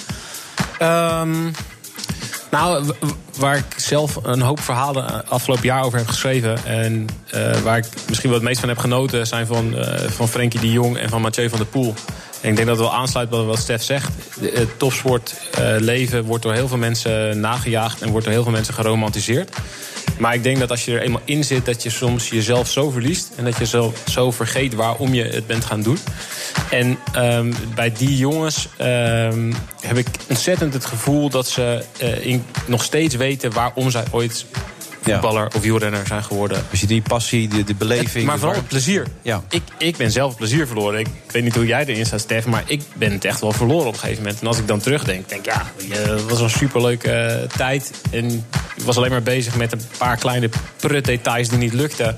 En eh, daar heb ik me helemaal eh, door laten verblinden. Ja. En juist als je ziet hoe Van der Poel zijn sport beleeft... met hoeveel passie en hoeveel eigen keuzes hij durft te maken... en hoe weinig hij zich aantrekt van anderen...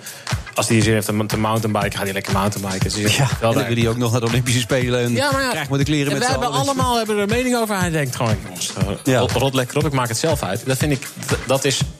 Het is een plezier is een eh, onderschat eh, ding in de sport. Het wordt vaak een beetje amateuristisch gevonden. Als je het hebt over plezier. En ik vind het heel goed dat plezier weer een klein beetje... door die jongens een klein beetje terug op de voorgrond. Nou, vind ik dat mooi omschreven zo, toch? Hè, Stef? Ja, absoluut. Ja. absoluut. Ik denk dat je mijn boek eh, in die zin eh, gaat herkennen. Ik heb denk ik 15 jaar, heb ik laatst gezegd, als een, toch als een soort junk eh, bepaalde highs eh, nageleefd. Eh, op zoek altijd naar dat ene geluksmomentje, daar alles voor doen, alles voor laten. Met oogkleppen, zeg maar. Ik zie ze in Utrecht, ik zie ze in Amsterdam over straat lopen. Ja. Ze zien niks anders dan die ook zoektocht misschien naar... jezelf al verloren. Al die dingen erbij. Het is, Junk is niet echt een handig woord hier. Ja, nou ja, goed. Nee, maar... Eh, je bent toch verslaafd aan, die, aan dat Ja, ik gevoel. snap wat je bedoelt, Eh, ja. eh, en, nou, dat en- wordt een mooie zomer dan. Stef Clement met Anders. En die neemt dan eh, eh, Thijs mee. En dan neem, jij, neem ik aan zijn boek mee. Hè? De fiets, de fiets. Heb je een topzomer. Nou, wie weet, de fiets, de fiets. eh, dan, en dan hebben we een boekbespreking in Frankrijk samen. Ja, en dat zenden wij dan uit. Mooi. Top man. Nou, tot de volgende keer. Heer, hartelijk bedankt. En eh, zometeen zijn we er weer. Praten we over Amerika.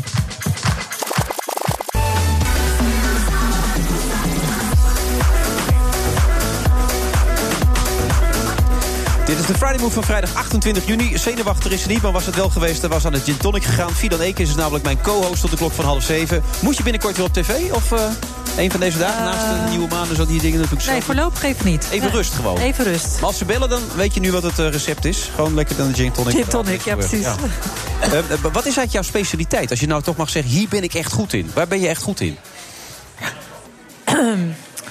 Praten? Ja, nee, je babbelt goed, ja. Maar Eh, bedoel je... eh, nou ja, eerst het va- vakgebied, eh, tv, mag radio, ook iets anders schrijven. dan werk zijn of zo? Of, Nou ja, eh, dat ook. Misschien als er iets nu bij je opkomt. Wat komt er nu gelijk bij je op? Waar je echt heel goed in bent? Misschien wel touwtjes springen of ballonnen bellen blazen. Ik weet het niet, maar... Nou, ik ben heel goed in eh, ehm, filmquotes onthouden. Dat, door je een, eh, vader. dat komt, ja, heel goed van je. nee, jouw vader was een filmfreak, hè? Mijn vader was De een Sopranos, ja. wat, wat ken je? Wat, de The Godfather, Godfather was die ken je uit zijn altijd hoofd, hè? erg, eh, heel erg fan van. Een moeder zijn, denk ik. Ehm, en eh, ja, goed, als je kijkt wat het werk dat ik doe. Ik, ik, ik heb als correspondent in Turkije gewerkt. En mijn, ik denk, dat was nooit de bedoeling. Ik weet Nee. nog dat ik terugkwam en dacht, nu moet ik echt iets anders gaan doen. En niet te veel in die Turk migratie-integratiehoek zi- zitten. Is het toch wel geworden. Ja. ja, ik vind het toch te interessant allemaal. Dus ehm, Daar ben je goed in dus. Klaarblijkelijk. ja, Ja. dat vind ik wel. Zijn Vind meningen over verdeeld. maar Ja, vind je jezelf goed? Ik vind mezelf wel goed, ja. Dat is lekker. Dat is goed Ja. gevoel, toch? Vind jij jezelf ook goed? Ja, ik klaag niet over mezelf. Maar dat... Mag ik niet zeggen, hè? ik kan niet tegen compliment. Koen Petersen, vind jij jezelf goed? Ik stel wel eens vaker die vraag, maar... Ik word er stil van, dus ik vind het een lastige vraag. Amerika-deskundige. Ik vind jou een hele goede Amerika-deskundige. Heb ik al eens eerder in een uitzending tegen je ook gezegd. Je bent met bevlogenheid, je zit in je deskundigheid altijd. Maar waarom vind je het moeilijk om dat van jezelf te zeggen dan? Ja, het is, eh, je weet wel dingen wat je leuk vindt om, eh, om te doen en wat redelijk gaat. Maar goed is ook weer zo'n relatief begrip. Is het het beste wat je zelf kan? Of is het weer het beste wat je ten opzichte van anderen kan? Of ten opzichte van de mensen die ermee te maken hebben? Wie vind je beter dan? Waarin? Nou, in dit vak. Op Amerika. Praten, deskundigheid uit, uitstralen. eh weten waar je het over hebt. Ja, ook daar zie je weer dat, eh, dat, dat Amerika-deskundigen verschillende invalshoeken hebben. Ik doe het vooral vanuit historisch eh, perspectief. Anderen doen het weer vanuit campagne-oogpunt. Weer anderen doen het vanuit Dus je wil geen eh, hoor ik wil geen vergelijk Nee, trekken. dat ik, ben, ik heb mijn eigen stijl. Ja, je bent heel politiek ingesteld. Heel verstandig misschien. Maar aan de andere kant een beetje uitgesproken mensen zijn wel leuk, Koen. Hè? Levensgevaarlijk. Levensgevaarlijk? Hoezo? Nou, ik wou net zeggen, jullie liggen wel onder, onder vuur. Hè? Je- Tegenwoordig, eh, je hoeft maar iets negatiefs over eh, Trump te zeggen. Merk ik in elk geval wel bij talkshows. Als iemand daar zit, is het al heel snel... hey, Trump bashen. En de publieke omroep is daar heel goed in om Trump te bashen. Erik uh, Moutaan krijgt het enorm over zich heen op Twitter. Ja, die Erik die heeft het niet makkelijk hoor. Die heeft het niet makkelijk, nee. Nee. Wat vind jij daar nou van? Ik vind dat Mouthaan het goed eh, doet. Het is mij niet opgevallen, opgevallen dat het een enorme Trumpers is. Maar goed, ik heb geen televisie, dus ik zie hem niet. Nee, ik zeg niet dat hij eh, dat doet, maar ongelooflijk, eh, tegenwoordig hebben mensen wel heel erg een mening over de Democraten en de Republikeinen. En vooral mening over Trump. Ja, je bent voor of tegen? Ja, dat is, uh, het is, het is taste. Met, met geen, uh, hij laat geen mensen uh, onbewogen achter. Maar wat je in Nederland ziet is dat doorgaans 98% van de Nederlanders voor de Democraten zijn. En 2% is steeds steun voor Republikeinen uit. Als, als ik wel eens met, met bespreekbeurten in het land vraag... wie zou er op de Democraten of Republikein stemmen... dus de enige die Republikein stemmen... de mensen die niet hebben zitten luisteren en de vraag niet hebben gehoord. Oké. Dus in dat opzicht is het uh, interessant om te horen wat jij zegt... dat dat blijkbaar aan het veranderen is. Ik heb dat nog niet gemerkt. De Democraten daarentegen lieten even de presidentskandidaten van de week zien... Hè, aan het publiek. Ik zou zeggen, zou je niet een keertje moeten overslaan? Gewoon als democraten zijn. Dat je zegt, weet je, deze verkiezingen laten we lekker lopen. We pakken de volgende alweer. Het is vol, volstrekt kansloos dit. Ja, tegelijkertijd zie je dat de meeste uh, democratische kandidaten... er zijn nou 24, waarvan de vijf kansrijk en 19 kansloos... Uh, dat die kansloze kandidaten meedoen om aan hun eigen merk uh, te werken. Ze ja. gaan dan hun leven lang de geschiedenis in als de voormalige presidentskandidaat. En dat is tegenwoordig zo makkelijk gemaakt... dat je nu steeds meer kandidaten ziet. Vorig jaar een stuk of 15, 16 bij de Republikeinen. Dat was al heel veel. Nu 24 democraten waarvan je er werkelijk 18, 19 onmiddellijk bij het oud vuil kan, kan zetten. Het vervuilt het proces en dat is doodzonde. Maar ook als je het proces niet vervuilt, dan zeg ik nog steeds: sla lekker over deze keer. He? Die Trump die wint hem toch, op zeker, daar kun je van uitgaan. Sla over. Ja, het voordeel van, van serieuze kandidaten is dat ze wel ervaring kunnen opdoen in het uh, meedoen met zo'n campagne. En wat je regelmatig ziet, is dat een kandidaat bij de eerste keer er niet in slaagt de nominatie te winnen of het presidentschap. Mm -hmm. Dat een tweede keer wel lukt. Dus in dat opzicht is. Dus eigenlijk een soort, uh, soort, soort stage. Is dit een beetje een trial? Is dit gewoon? Ja, een beetje een testen voor oefening, test ja. en uh, ervaring opdoen, naamsbekendheid opdoen. Weten waar je de donoren vandaan moet halen. Hoe je goede campagne-operatives moet krijgen. Hoe je die debatten voorbereidt. En dan zie je dat het een tweede keer eigenlijk altijd beter gaat dan de eerste keer. Maar dat is ook de instelling, neem ik aan, bij al deze mensen. Want die weten gewoon dat ze niet kunnen winnen. Uh, bij veel wel, ja, ja. absoluut. Of voor spek en bonen dus? Nou ja, goed, uh, wel als je kijkt naar uh, wat ze formeel willen bereiken... namelijk uh, kandidaat worden voor het presidentschap voor de Democraten... maar ze zien andere voordelen erin om het wel te doen. En dat doen ze. Het is ook risicovol. Hè? Je moet geld bij elkaar verzamelen van geldschieters. En als je niet voldoende geldschieters hebt, dan schiet je het voor. En sommige kandidaten eindigen werkelijk met een miljoenenschuld... die ze op een of andere manier toch moeten afbetalen. Ja. Dus het is niet zonder risico, maar ze zien er blijkbaar een upside in. Ja, maar dan heb je Biden en dan heb je Sanders, Bernie Sanders. Nou, die zijn allebei 120. Uh, ik bedoel, ja, nee, hoe, hoe kan, hoe kan Per stuk, hè? Niet bij elkaar opgeteld. Nee, per stuk bedoel ik ja. inderdaad, ja. Dus je weet al, dit slaat ook allemaal nergens op. Maar wat ik eigenlijk bedoelde zeggen, Koen, is... het, het heeft toch geen nut deze keer voor de democraten? Het is toch zeker dat, dat, dat Trump dat gaat winnen? Het ziet eruit dat, dat Trump het gaat winnen als je kijkt naar normale omstandigheden. Omdat werkgelegenheid ja. altijd de voorspeller is voor wie de presidentsverkiezingen wint. En Trump doet het op gebied van werkgelegenheid fantastisch. Tegelijkertijd zie je ook dat hij ongelooflijk impopulair is bij uh, de niet-hardcore republikeinen. En dat komt door zijn ordinaire stijl. Normale republikeinen zeggen we vinden dat Trumpisme, dus dat beleid van met conservatieve rechters, met lagere belastingen, met meer werkgelegenheid, met wat strenger beleid aan de grens, vinden we allemaal schitterend. Alleen ja, het liefst niet met zo'n ordinaire gast. Nee. En dat is wel wat mensen ervan weerhoudt. Maar die zullen toch nooit tegen gaan stemmen? Die zullen toch niet opeens op de Democraten? Of gaan ze dan gewoon niet, bedoel je dat? Nou, je hebt twee soorten Democraten. Ook als je naar die debatten kijkt. Je hebt gematigde Democraten die op zichzelf redelijke standpunten in het midden van het spectrum uh, uh, innemen. En je hebt uh, echt socialisten die Bernie Sanders, die vorig jaar, vorige keer heel links was, vier jaar geleden, uh, nog links uh, inhalen. Die heel veel willen socialiseren. Als het een kandidaat wordt uit dat hele linkse kamp. dan is de kans heel groot dat mensen in het stemhokje moeten twijfelen tussen. of moeten kiezen tussen een ordinaire kerel die ze eigenlijk niet hun stem willen geven. Of iemand die, door wie de belastingen worden verdrievoudigd als de gezondheidszorg en het onderwijs en allerlei andere dingen worden genationaliseerd. Als de gematigde kandidaat wordt, kan het anders zijn. En uh, het is dus niet op voorhand uitgesloten dat een democraat wint. Maar ik denk wel dat Trump betere kaarten heeft nu. Ja, ik zit dat designated survivor te kijken. Dan is hij opeens onafhankelijk.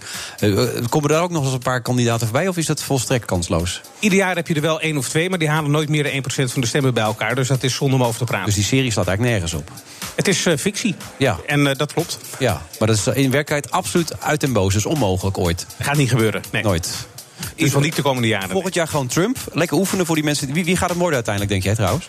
Bij de Democraten? Ja, ik moet zeggen dat ik die uh, Buttigieg, als ik die naam goed uitspreek, hè, Mayor Pete. Daar ben jij de deskundige uh, voor. Dat ongelooflijk, uh, ja. ongelooflijk uh, goed vond te performen. En Kamala Harris, die Joe Biden aanviel, deed het ook heel goed. Dus ik denk dat het uiteindelijk tussen die twee zal gaan. Heb je er wat mee met die hele Amerikaanse politiek, Fidan? Of, Ik volg het, ja. Oh, sorry, ik vergeet ja. weer mijn nee, radio. microfoon. Ja, nee, tv ben jij goed, hè? ja, ik, ik echt heel lang. Het is echt honderd jaar geleden dat ik microfoon nee, in dat zijn de budgetten die hier bij BNR omgaan. Dat weet je wel. Maar, ik vergeet het. Houdt het je bezig? Super, Of? ja, jawel. Ik, ik, ik, ik, ik, het is eigenlijk altijd een klein beetje mijn droom geweest om uh, in Amerika Of te studeren, aanvankelijk Ja. ooit. Of uiteindelijk correspondent te worden. Maar dat gaat hem gewoon nooit worden, denk ik. Kan altijd nog gebeuren. Ja, in de tijd dat ik, ik heb voor RTL Nieuws gewerkt. En toen zat Max Westerman er. En daar Ja. was ik zo'n fan van. Toen dacht ik zo. Daar zou ik nou. eh, Wat is er van Max Westerman staan. geworden ja, eigenlijk? Wat is er met Max wat is er met, Westerman Max- gebeurd? wat is er met Max Westerman gebeurd? Ja. Dit was Max Westerman, Hij had New toch gewoon York. moeten blijven. Dat Ja. vind ik. Maar... Ja, hij deed verschrikkelijk, eh, verschrikkelijk goed. En eh, als de verkiezingen zijn, komt hij altijd nog wel als Amerika-deskundige weer in het eh, lezingen- en tv-circuit. Dus ik denk dat we hem volgend jaar weer eh royaal op de tv gaan Ja, tegenkomen. hè? Nee, als ik hem dan belde, dan zei hij ook... dit was Max Westerman, New York. En dan legde hij hem neer, weet je wel. Die staat Ja. zo in zijn rol. Die kwam er niet meer uit, man, die gozer. Geweldig. Maar hij bestaat dus nog wel. Hij is nog wel mee bezig. Volgens mij wel. En eh, hij doet het heel goed. Dus het is leuk als hij weer terug is. Er is een geweldig boek over, over zijn tijd in eh, Amerika geschreven. Alleen dan niet met zijn naam. Oh. Maar hij eh, was wel de persoon waar het op was gebaseerd. Het was geschreven door zijn stagiair, volgens mij. Het heet Mr. Universe. Nathalie Huisloot had het geschreven. En was hij daar blij mee? Hij was er helemaal niet blij mee. Hij werd de nazi eh, uit Holland genoemd. Nou. maar echt, dat boek is zo voor mensen die, eh, die nu luisteren. Dat boek is echt mega grappig. Oh, nou, dat is een en zijn naam komt er niet in voor, maar hij had zich wel openlijk ged- ged- gedistanceerd van die rol. Nee, dat En- zullen ze nooit over Koen schrijven. Koen, hè? Sympathieke, de beste Amerika-deskundige. Ja, lijkt mij echt helemaal, eh, ja. Nou, ja, heel politiek correct. Heel netjes. En je stelde af en toe wel van die vragen waarvan ik zou denken... nu ga je echt... eh, nou, nu zou je wel misschien een beetje een scherpe opmerking kunnen maken... uit de bocht kunnen vliegen, maar dat doe je heel netjes. Koen doet dat niet, hoor. Nee, nee. Ik word er verlegen van, dus ik Ja. onthoud me voor verder commentaar. Ja. Ja, nou, hij doet het Je uiteindelijk zou goed. zo de politiek kunnen. Zou ik dit zeggen? Hij is geslaagd. Dankjewel, Koen. Tot volgende Graag keer. gedaan, was weer leuk. Dankjewel. BNR Nieuwsradio. The Friday Move. Maar ik denk dat wij er allemaal recht op hebben dat 112 incident-proof is. Het klimaatakkoord dat er nu ligt, is op de rand van een doorbraak. I'll have a very good conversation with him. What I say to him is none of your business. Wilfred Genee. Ja, het lijkt erop dat de G20-top weer één grote Trump-show gaat worden.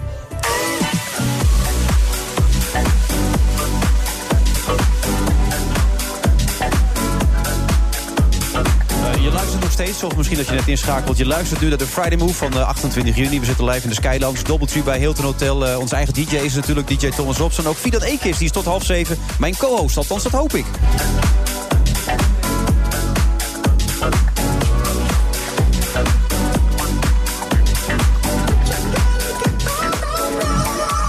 En die hoop, Fidan, spreek ik vooral uit vanwege het feit eh, dat jij even wat, wat, wat, wat eh, ruis op de lijn hebt, geloof ik, thuis, toch? Of niet? Ja, nee, de oppas eh, kon eh, de opvang van mijn zoontje niet vinden. Maar die zit vandaag ook op een andere locatie. Oké, gaat het goed komen? schoot even in de stress. Ja? Maar moet, je moet niet weg of moet je er naartoe? Eh, Of nee hoor, nee, nee, nee, ik moet gewoon in de gaten houden of ze het heeft gevonden. Oké, nou dan houden we het in de gaten hier aan deze kant. Ben je een goede moeder? Je zei zojuist zoiets. Ik, ik denk het wel. Ja? Ja, ik Waarom denk, twijfel je dan eraan? Ik twijfel helemaal Nou, niet eigenlijk. ik denk maar, het wel, dat nou niet ja, niet omdat het misschien een beetje raar is om over jezelf te zeggen. Kijk, in de context zoals ik het net vertelde, kon het. Ja. Als je het me nu vraagt en ik roep volmondig ja, dat klinkt misschien een beetje gek. Maar je liegt soms tegen hem. Who cares? Je liegt soms tegen hem. Ik, ik lieg soms wel tegen hem Ja, trouwens. Ja, om, om dingen voor elkaar te krijgen. Ja, weet je dat al? Nou ja, ik lees me altijd een beetje in. Je leest het wel. Pedagogisch niet verantwoord natuurlijk. Nee. Ja, maar het zijn leugentjes om best wil. Dat is niet Oh, erg. dan mag het. Ik heb eh, een vriendin van mij die vindt dat het af en toe te ver gaat. Dus als ik hem ergens mee naartoe moet krijgen en hij gaat niet mee... dan hoor je ja, heel streng te zijn en al die dingen. En dan zeg ik van nou, als we gaan, dan krijg je daar dit en dat. En dan krijgt hij dat niet. Dan moet ik, moet ik ter plekke weer liegen omdat het er niet is. Want dan heb ik die belofte al gemaakt. Dus ik zeg, Ja, je zit jezelf een beetje in de weg daarmee natuurlijk dan. Hè? ja, dit klinkt wel heel erg als ik het zo vertel. Ja. Maar hij gelooft het al niet meer. Hij zegt, mama, je maakt een grapje. Hij, hij bedoelt daarmee, mama, je liegt. Ja. Nou. En je wilde eigenlijk drie of vier kinderen, maar goed, dat bij eentje tot nu toe gebleven is. Nou, Want- ik denk dat het dan juist, dan word je, hoor ik, Ja. juist strenger en veel meer straight to the point, omdat je, ehm, ja, je hebt gewoon geen tijd. Je hebt heel veel kinderen om je heen, dus je moet snel handelen. Ja, dan moet je gewoon, zo is het en niet anders zeggen. Ja, ja, ik durf, ik durf niet. Ja, ik durf soms blijkbaar niet om het echt teleur te stellen of streng te zijn. Ik mag wel wat strenger zijn, ja. Dat, Oké. Dat is wel een ding. Oké, bij deze Ja, afgesproken. bij deze even Ja. rechtgezet. Naast je zit Jan Braaksma. Ben jij een beetje streng? Heb je kinderen? Of, eh, Nee, ik heb geen kinderen, Nee? maar dit is een leerzame les dus. Zou ik net zeggen, hoe oud ben je Jan? Eh 31. Oh, dan kan het nog altijd gebeuren natuurlijk allemaal. Zou je het wel willen op de duur? Of? Ja hoor, ja, Ja? lijkt me hartstikke leuk. En ben je een strenge vader, denk je? Nee. Nee? In ieder geval niet voor de, de, eh, de, eh, kinderen van mijn vrienden ben ik, eh, kan ik gewoon eh Nee, maar dat is makkelijk. uithangen. Nee, dat is makkelijk. Dat is appeltje eitje natuurlijk. Ja. Maar voor je eigen dat is een leukere rol, vind ik. Ja. Ja. Ja, dus jij gaat straks ook heel veel liegen. Bij Ja, ik ben bang van wel, ja. Oh jee. Het is toch lastig nee zeggen, vrees ik. Nou, nou, lekker bezig met z'n allen. Waar kwam je ook weer? Oh ja, ja, jij kwam voor de G20-top. We gaan niet over kinderen hebben. Je denkt, waar gaat dit naartoe? Ik zie het ook aan je. Denkt, waar gaat die gozer Ja, naartoe? als FD-journalist ben je het niet gewend. Nee, dat kan ik me heel goed voorstellen, ja. Ja, bij FD een beetje serieuze mensen, toch? Of niet? Ja, maar ook heel gezellig. Zeker bij de beursredactie waar ik zit. Dat is eh, wel een, eh, een hotspot van gezelligheid elke dag. Nou, dat moet je even omschrijven. Hoe kan dat gezellig zijn? Die Nou, er zitten veel jonge mensen, dus die beleven avonturen in het weekend. En die hebben geen kinderen, dus die mogen nog op vrijdagmiddag een biertje drinken met z'n allen. Oh, Spillen en drank en dan komen de falen. Ja, Mogen nog op vrijdagmiddag een biertje drinken. Wat een vooroordelen. Ja. Hij zit toch ook regelmatig gewoon te zuipen. Nou, ja, ik moet vrijdagavond nog werken. Maar ik, ik zal niet zeggen dat ik er altijd... eh, Zit al aan de gin tonic dan. ja, ja, of in- live in een uitzending. Jan, je komt voor die G20. Dat wordt één grote Trump-show. Dat dat werd er gezegd net. Ja, Geloof je dat? Ik zei het zelf, maar het stond er. Ja, het is eigenlijk de G2, eh, de Trump en Xi-show. Ja, Want, eh, de rest kan net zo goed thuis blijven. Ja, dat moet je niet tegen ze zeggen, denk ik, want het is zo lullig voor ze. Maar eh, alle ogen zijn al vanaf het begin op Xi en Trump gericht. Eh, Trump die, eh, begon al met een tweet een paar weken geleden van... ik wil die Xi spreken tijdens de G20. Anders dan komen er weer nieuwe tarieven en dan ga ik hem eh, zijn economie kapot maken. Nou ja, dan weet je dat, het, eh, dat de, de schijnwerper weer op hem gericht is. Ja, en wat gaat hier uitkomen? Wat is jouw voorspelling die twee dagen? Nou, wat eigenlijk iedereen verwacht is dat ze niet een definitieve handelsdeal weten te bereiken. Want ze zijn zo diep ingegraven, ze hebben zichzelf eh, zo in de nesten gewerkt, allebei, dat dat onmogelijk is. Dat Ja. Het hoogste haalbare is eigenlijk een soort staakt het vuren. Dat was de vorige G20 in eh, Buenos Aires ook. Hebben ze 90 dagen geen eh, maatregelen tegen elkaar genomen. Ze hebben wel meer tijd om te onderhandelen. En ik vermoed dat dat nu ook alweer het eh, hoogste haalbare zal zijn. En die andere landen zitten erbij en die kijken er daarna. Wat, wat gaan die daar dan doen? Ja, die hebben allemaal gezegd dat ze zich er niet mee gaan bemoeien. Maar ondertussen zegt iedereen wel, als er naar gevraagd wordt... ja, we hopen dat ze het gaan oplossen. Maar er gaat niemand echt bemiddelen, want het is echt tussen die twee landen zelf. Het is ook wel een beetje link om eh, China tegen je in het eh, harnas te jagen. En Trump trouwens ook, want voordat je het weet eh, ben jij de sigaar. Ehm, dus ja, nee, iedereen die houdt zich heel diplomatiek op de vlakte. Maar ondertussen doet Maar het onze wel eigen pijn. Mark Rutte is dat toch ook? Of, eh, Ja, zeker. Die kan toch altijd heel diplomatiek zijn? Die kan mensen bij elkaar op elkaar brengen. Die kan ze hè, Ja, verenigen. Ja, de, de pianist op sneakers werd hij door Bloomberg genoemd. En, de pianist op sneakers, Ja, hij werd een beetje op het schild gehezen daar. Maar eh, ik heb hem alleen nog maar dingen horen zeggen over Europa. Hij eh, ging even los tegen Italië. eh, Fidan keek op haar telefoon. Weet je, het is gelukt. Ja, hij is ja. boven water. Mijn zoontje is gevonden, Hij is gevonden, dat is fijn. Dan kunnen we verder. Heerlijk. Pak van ons hart. Ja, Ja, gelukkig. Ben je toch echt een goede moeder, hè, dat je erachter bent gekomen dat ze hem te pakken hebben. Ja, dat is lekker. Ja. Maar eh, de, de sneakers, wat zei je ook alweer? Ja, De- oh ja, Rutte. Nee, die heeft het vooral gehad over Europa. Eh, hij zei nog een keer dat hij niet de, de baas van de Europese Commissie wil worden. Eh, hij trok nog even streng van leer tegen Italië, die zich niet aan die re- begrotingsregels houden. Nou, dat is altijd al de Nederlandse lijn. Hij zei: Brexit is heel erg. Ze heeft al zijn stokpaardjes weer bereden, maar over Trump en Xi was hij verdacht stil. En, en daar reist hij dus helemaal vanaf naar Osaka. Om dat Ja. soort eh, open deuren in te trappen. Nou, ik vermoed dat hij eh, het vooral vanwege de persoonlijke contacten doet. Het is ook wel een eer dat je wordt uitgenodigd. Hè, want eh, Nederland zit er officieel niet bij bij die G20. Dus we zijn er nu voor de derde keer uitgenodigd. Het zegt ook wel iets over de status die Rutte nu heeft, denk ik. Internationaal gezien. En eh, ja, als je eh, kan dineren met Merkel, Trump en eh, noem maar op, dat is natuurlijk goed voor je status. Het zou handig kan- zijn als, als, als Mark dan naast Merkel gaat zitten... die een glaasje water kan geven als het even weer misgaat. Dat is wel pijnlijk om te zien, toch? Vind je dat ook niet, Fidan? Ja, vind ik We hebben het wel. nu een paar keer gezien. Ja. Het, hij ja, bagatelliseert Maar- zegt dat niks Dat aan de zijn hand wel is. de leukste momenten, toch? Vind je dat? Dat iemand zo staat te trillen en dat het... eh, ja? Nou ja. Nou ja, leuk is Beetje leedvermaak niet, eh, eh, zoals je het nu stelt. Ik heb wel leedvermaak. Nou ja, we, we kijken er toch allemaal naar. Ja, nee, maar het is, het, en ook dan staat zo'n staatshoofd ernaast... die blijft gewoon ijzergeinig vooruit staan kijken. Dan zeg je toch even... Angela, Gates ambition, hè? We kijken ook allemaal naar Juncker, die, eh, die niet weet wat hij doet, toch? Ja, maar die is dan. Die is altijd lam. Ja, die is Juncker. lam. Ja, dat is wat anders. Die drinkt heel te veel gin Ja. tonics. Nou, nu werd het er ook weer gevraagd. Hè. Ze moest weer zo'n fotomoment en ze stond weer wat te trillen. En er vroeg een, een verslaggever ook van... mevrouw Merkel, gaat het een beetje? En ze bleef ook weer strak voor zich uitkijken. Dus die viel niet eh, uit de rol. Oké. Maar ondertussen heeft Macron gezegd... het moet niet alleen maar over die handelsoorlog gaan. Ja, dat zou ik ook zeggen als ik hem was. Ja, maar waar zou Dus dan ben je inderdaad voor spek en bonen daarheen gegaan. waar, waar zou Macron het nog graag over willen hebben dan? Ik denk over eh, de WTO, de Wereldhandelsorganisatie. Eh, dus opnieuw over handel, maar dan meer eh, ja, in een groter, grotere groep. Ja? Eh, daar zijn ook veel ontevreden landen. Eh, het lukt ze niet om handel, eh, nieuwe regels te maken voor digitale handel, dus voor e-commerce. Die regels die stammen uit 95. Nou, toen bestond het helemaal nog niet. Ondertussen heb je de Alibaba's van deze wereld, de Amazons, die een steeds groter deel van de economie uitmaken. Nou, dat is handig als je daar eh, met z'n allen regels over hebt. Maar er zitten 164 landen in, die in de WTO. Dus die gaan nooit met elkaar eens worden. En dat is ook een van de, van de pijnpunten nu. Maar dat zit ik me altijd af te vragen. Misschien maar wat doen, waar slaat dit dan op eigenlijk, dit soort top? Ja, het is een beetje ceremonieel circus aan de ene kant, denk ik. Uh, en aan de andere kant is het ook, ja, persoonlijke relaties zijn heel belangrijk op dit niveau. Dus het is ook, als je iets gedaan wil krijgen van elkaar, dan kun je dat beter in zo'n soort comité in een iets ontspanner setting doen. Ja, en dan is de kans groter. ook eh, nog een beetje napraten enzovoort, dat soort dingen? Ja, ik, ik weet niet of Rutte daarvan is eigenlijk. Dat weet ik ook niet. Dat zou jij moeten weten. Jij zit bij de FT. Er zitten allemaal mensen die dat zouden moeten weten natuurlijk. Op die gezellige afdeling van jullie, toch? Ja, bij ons wel. Ja, en niemand die Hij dat... mag best een keer aanschrijven op vrijdagmiddag. Is het publiek in Nederland hierin geïnteresseerd? Ik heb in de tijd dat ik in eh, Turkije werkte, was het echt. Nou, de, de nieuws opende er zo wat mee. Het was huge. Ja, maar dat was tijdens de crisis, denk ik, of niet? Ja, dat is wel zo, ja. Toen was het echt heel groot en nu is het weer, ja, omdat die handelsruzie er is, is het weer wat meer in de spotlight. Inderdaad, maar ik ja. heb het idee dat het een paar jaar geleden ook wel iets meer tot de achtergrond behoorde. En dat er niet zulke belangrijke items ook op de agenda stonden als nu. Daar hangt het er vanaf. Ja, nu er een ruzietje is, is het ineens ook weer spannend en is het leuk. Ja, wat is nou de kern van de ruzie voor de mensen die dat niet helemaal mee hebben gekregen? Tussen Ja. China en eh, Amerika? Ja, Trump vindt dat eh, China zich niet aan de internationale handelsregels houdt. Dus ze subsidiëren hun eigen bedrijven, ze trekken hun eigen bedrijven voor. Eh, ze gaan niet netjes om met intellectueel eigendom. Als je daar een bedrijf wil. eh, als je daar als westers bedrijf heen wil, moet je een joint venture aangaan met een Chinees bedrijf, je technologie overdragen.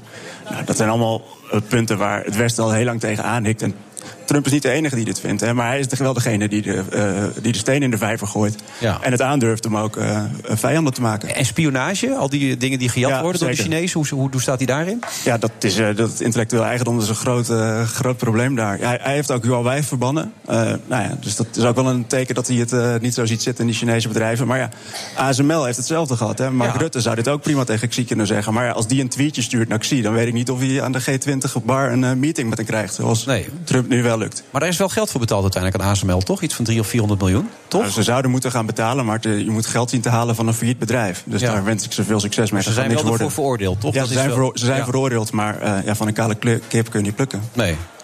Dus uiteindelijk gaat er niet zo heel veel uitkomen. Ook vanwege het gezichtsverlies zullen de Chinezen en de Amerikanen niet gelijk overstag gaan. Nee. Maar er zal een klein zaadje geplant worden om te kijken of ze ik toch denk dat dat wel het hoogst, haal- hoogst haalbare is. En als de verhoudingen enigszins normaliseren, dan is het al best wel een succes geweest. Ja, we begonnen over kinderen, we eindigen met een zaadje dat geplant wordt. Uiteindelijk is het toch weer de cirkel rond, als je het zo bekijkt. zo Komt zo wel. opeens hè, ik bij elkaar, het is ongelooflijk. Kijk, ik hoef dan niks te vragen, die legt steeds haar, telefoon, dus haar microfoon neer. Maar eh, Oh, ja. Hij is zo zwaar. ja, wordt is, steeds zwaarder. hij is verschrikkelijk zwaar. Die dame gin tonic, 2,5 uur dan eh, komt het helemaal goed. Kan er niks Hoe misgaan. lang zit je al bij het FD trouwens? Eh, drie jaar. Drie jaar, oké. En hoe lang wil je nog bij het FD werken?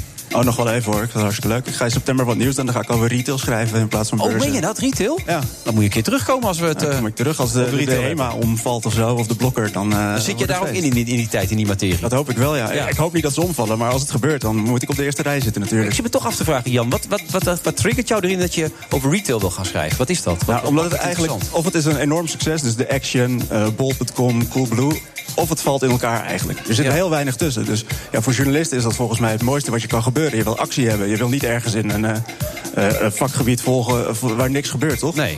Wat is het geheim eigenlijk van het feit van dat soort partijen als Action en Coolblue dat dat wel werkt, toch? Volgens mij, de, de Action heeft gewoon een formule die ze vreselijk strak uitrollen. Dat is een machine. En eh, ja, die doen geen gekkigheid. En iedereen die een beetje twijfelt en zwalkt, kijk naar de blokker.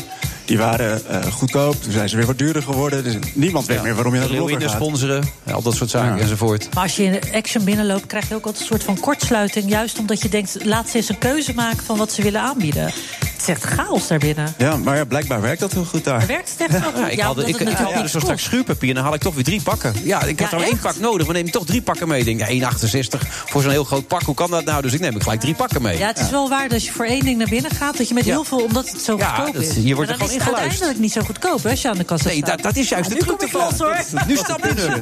Ja, dat is hem. Nu zeg, komt Jan, het. zeg, Jan, je zit er al in, man. Goed. Maar je bent nu nog even van die andere kant, hè? Van die andere dingen die dan Ja, nog spelen. zeker. Nog twee maandjes, Nog twee maanden. door. Jan Braaksma van het Financieel Dagblad.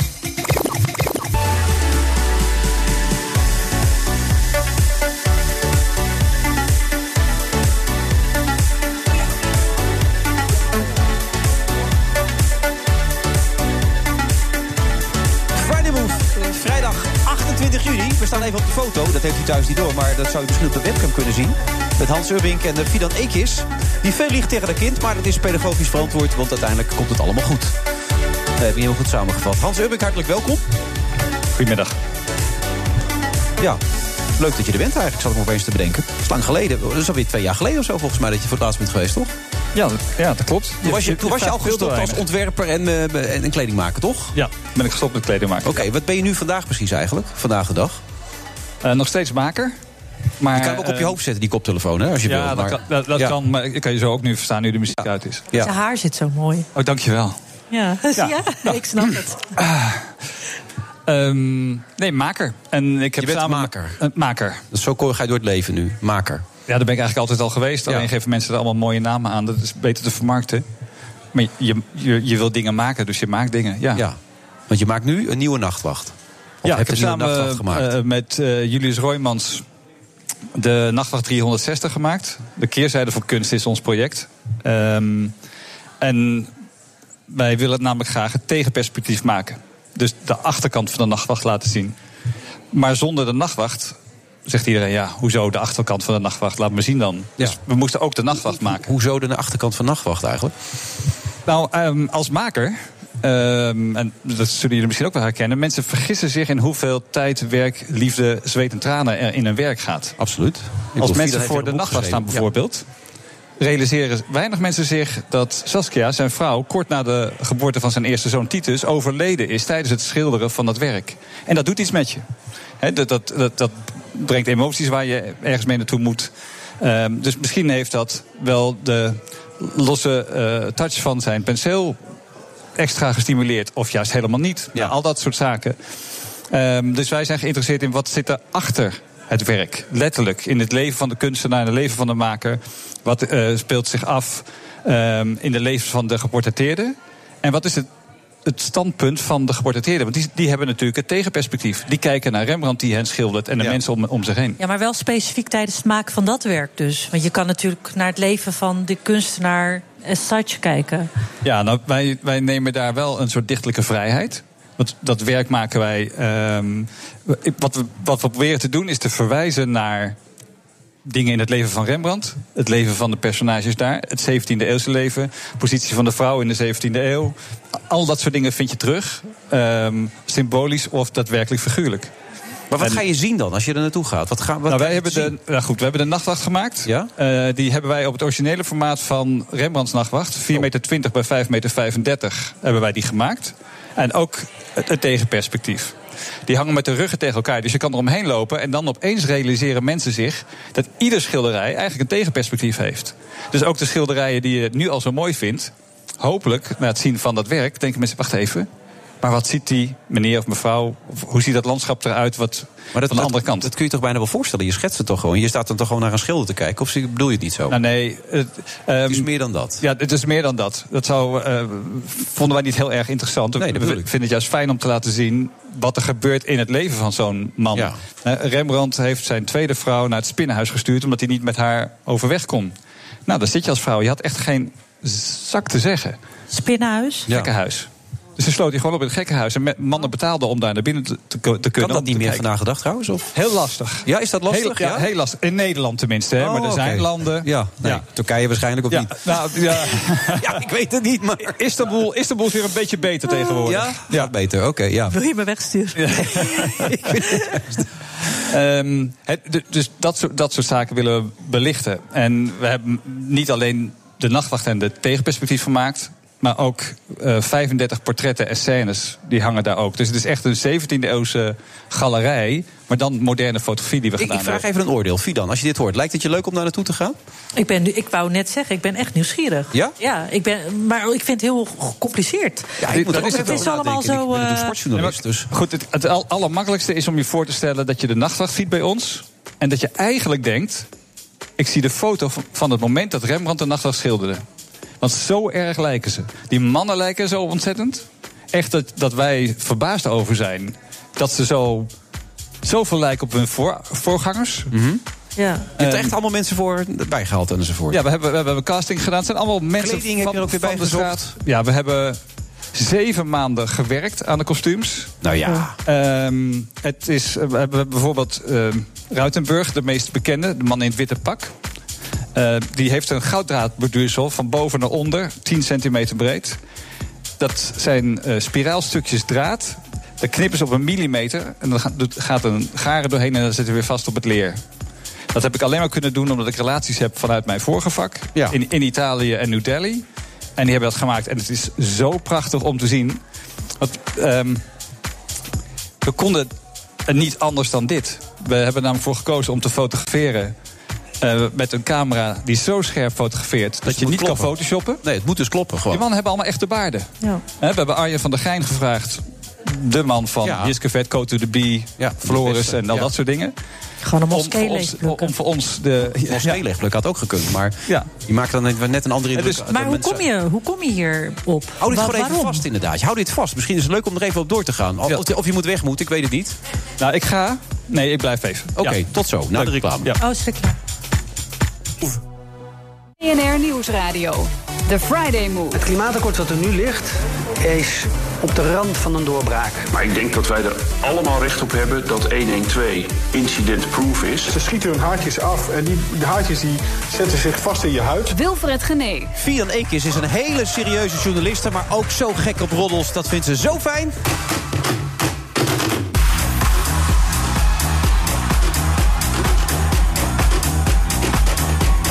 We zitten alweer in het laatste half uur van deze uitzending. De Friday Move vrijdag eh, 28 juni. We zitten in een afgeladen eh, Sky Lounge, Doubletree bij Hilton Hotel. Ja, mocht je nog langs willen komen, moet je snel zijn. En hij is er nog steeds. Hij zet hem heel zacht, maar hij is er wel. DJ Thomas Robson.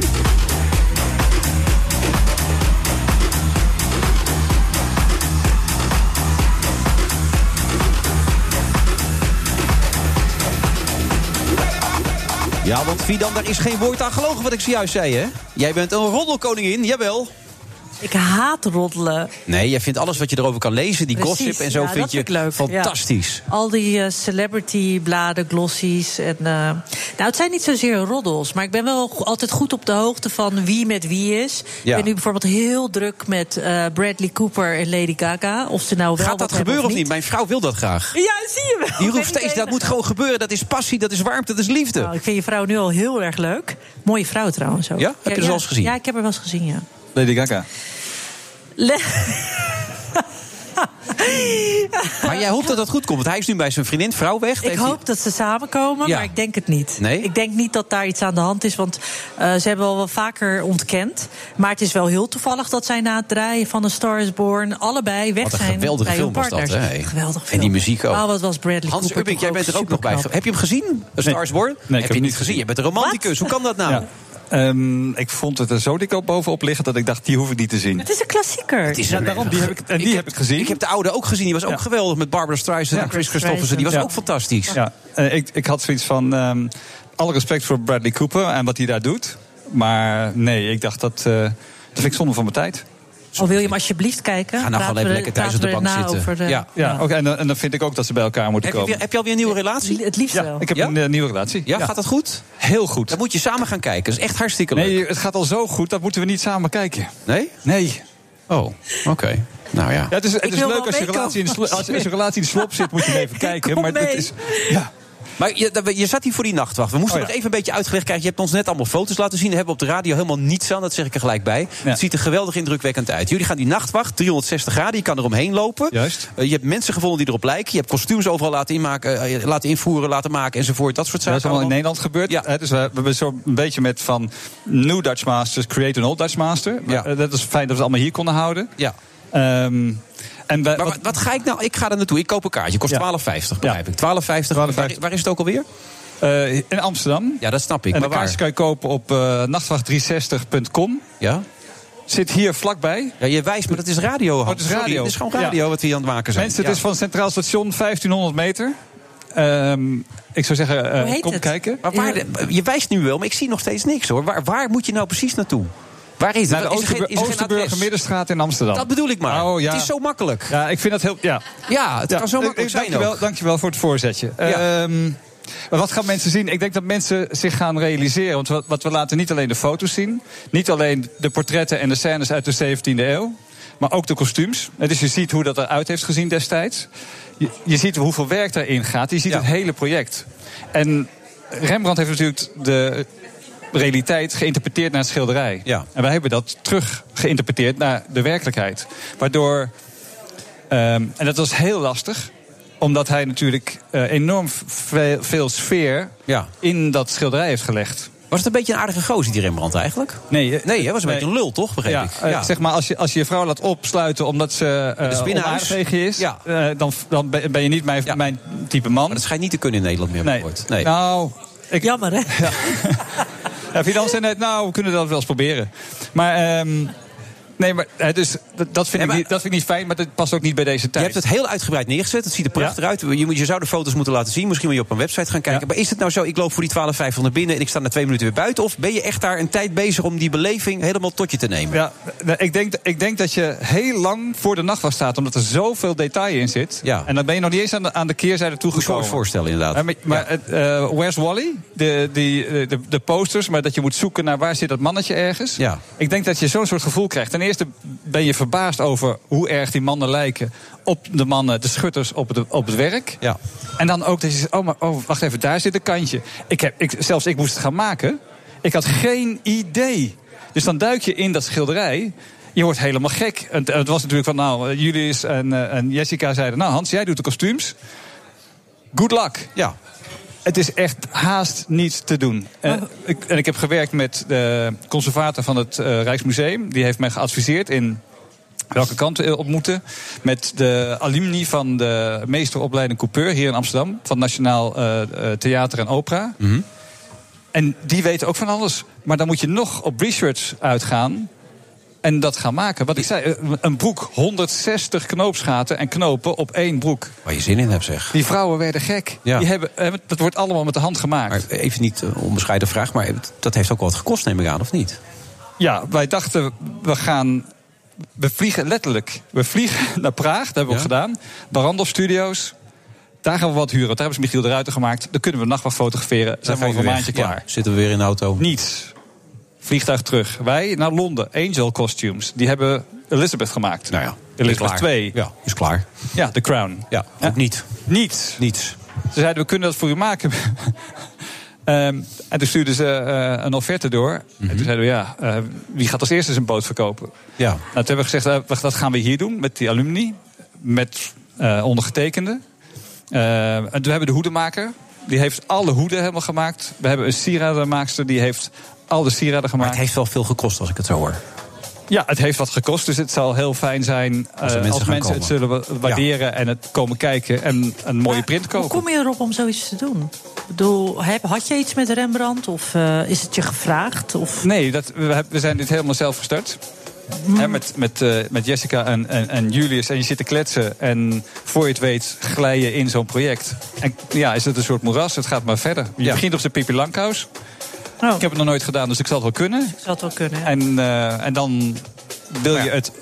We hebben het zo goed gedaan dat wij zijn er op dit moment van overtuigd... dat niemand gaat dit meer proberen. Oké. Nou, het klinkt wel heel overtuigend. Het, nee, maar het, is heel, het is ook echt heel leuk. Ja, en heel bijzonder. Ja, en dat je En niet is ook heel leuk. Dat je? Dat je de kleding nu niet aan hoeft. Die mannen hebben zoveel aan in die tijd. Omdat Ja. het gewoon koud is. Ook, ook binnen hebben ze geen verwarming. Nee. Dus ze hebben al die lagen aan. Onze modellen stonden te zweten in de, in de studio. Ja, en die moesten dan precies in de houding staan. Juist op de manier kijken. Maar het is erg leuk. Krijgen die mensen die jullie hebben gevonden, die op die personages, ehm, hoe zeg je dat, schilderfiguren lijken, krijgen die hier ook iets van voor? Of? Die, die, eh, zeg maar, het meeste is liefdewerk op papier. Maar ze krijgen allemaal hun eigen Rembrandt-portret van Ja, zichzelf. sta je gewoon lekker op, hè? Wie kan dat Ja. zeggen? Ja, ja en, dit wordt eens, eens in 377 jaar wordt zo'n nachtwacht gemaakt. Ja. En zij staan nu op de tweede nachtwacht. Ja.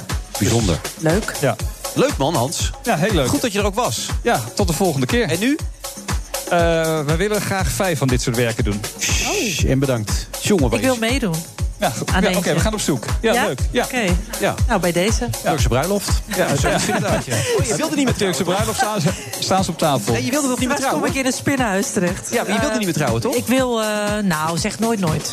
Als er een wagen voorbij komt, kan het nog een keer gebeuren. Het kan gebeuren als iemand dat heel romantisch Nee, maar het gebeurt. Het gebeurt. Je denkt dat het Ja? de leeftijd is dat je zo verliefd bent. Maar dat heeft niks met leeftijd te maken. Dan kom je iemand tegen en dan opeens denk je... Hé, dit herken ik, maar dat is van 30 jaar geleden. En, en nu, ik ben net zo gek. Oh, echt? Ja. Oh, wat Je gaat leuk. ook weer trouwen. Nee. Nou ja, Oh. je zegt net, ja, dat gaat Ik, ben- gebeuren. ik, ik ben, ik ben ook, ook, ook met Ans nooit getrouwd. Oké. Oh, doe het wel. Dat is hartstikke 35, leuk. 35 jaar samen. Hartstikke En leuk dan en hartstikke samen goed. Star is Born kijken. Ja, Oh ja. fantastische film. Oh, dat is het. Tijdens de oh. huwelijksreis. En dan ook The Lion King daarna. Nee, geen Lion King. Nee, anders. dat doen- daar Oh, doen dus- wij niet aan. Nee, nou, oké, we eens even kijken waar jullie zitten ongeveer. Dus, eh, oké, misschien ik Alsof, kijken. alsof wij in een stel zijn, hè? Ja. Waar jullie zitten. Ja, nee, maar jullie zijn het zo met elkaar eens. Nou, over A Star is Born wel. Ja. Ja. We kunnen genoeg verzinnen waar we het niet over eens zijn. Ja, dat denk ik wel. Ja, Ja, toch wel? ja. Ik sluit ja, je zo ja, maar Jij wil ook een Turkse bruiloft, snap ik. Nee, ik heb wel een Iraanse bruiloft gehad natuurlijk. Hè? Ja. Oh, ja. Nee, ik heb een Turkse bruiloft gehad. Niet zelf, maar daar was ik bij. Dit gesprek loopt helemaal Heel weg. erg. Ik weet niet waar het er komt, maar het loopt volledig weg. Dit gesprek. heel erg leuk. hè? Vrijdaggevoel. Ja. Nee, En ik, en ik hoop dat wat in Istanbul gebeurt... is dat dat een voorzet is voor wat daar de komende jaren gaat gebeuren. Ja. Het is een prachtig land. Ik vind het hele fijne mensen. Een van mijn vijf beste vrienden is een, ehm, een Turkse, een Turkse man, Turkse man, die woont daar. Een Turk dus. Een, Tur- een Turk. Ja. Ehm, als ik Turks hoor hoor spreken, dan krijg ik een warm gevoel. Het is zo'n mooie taal. Ik ga er even met je over doorpraten. Ik moet u echt afronden. Oh, ja. Bedankt. Oh. Hans Subbink. Ga verder alleen.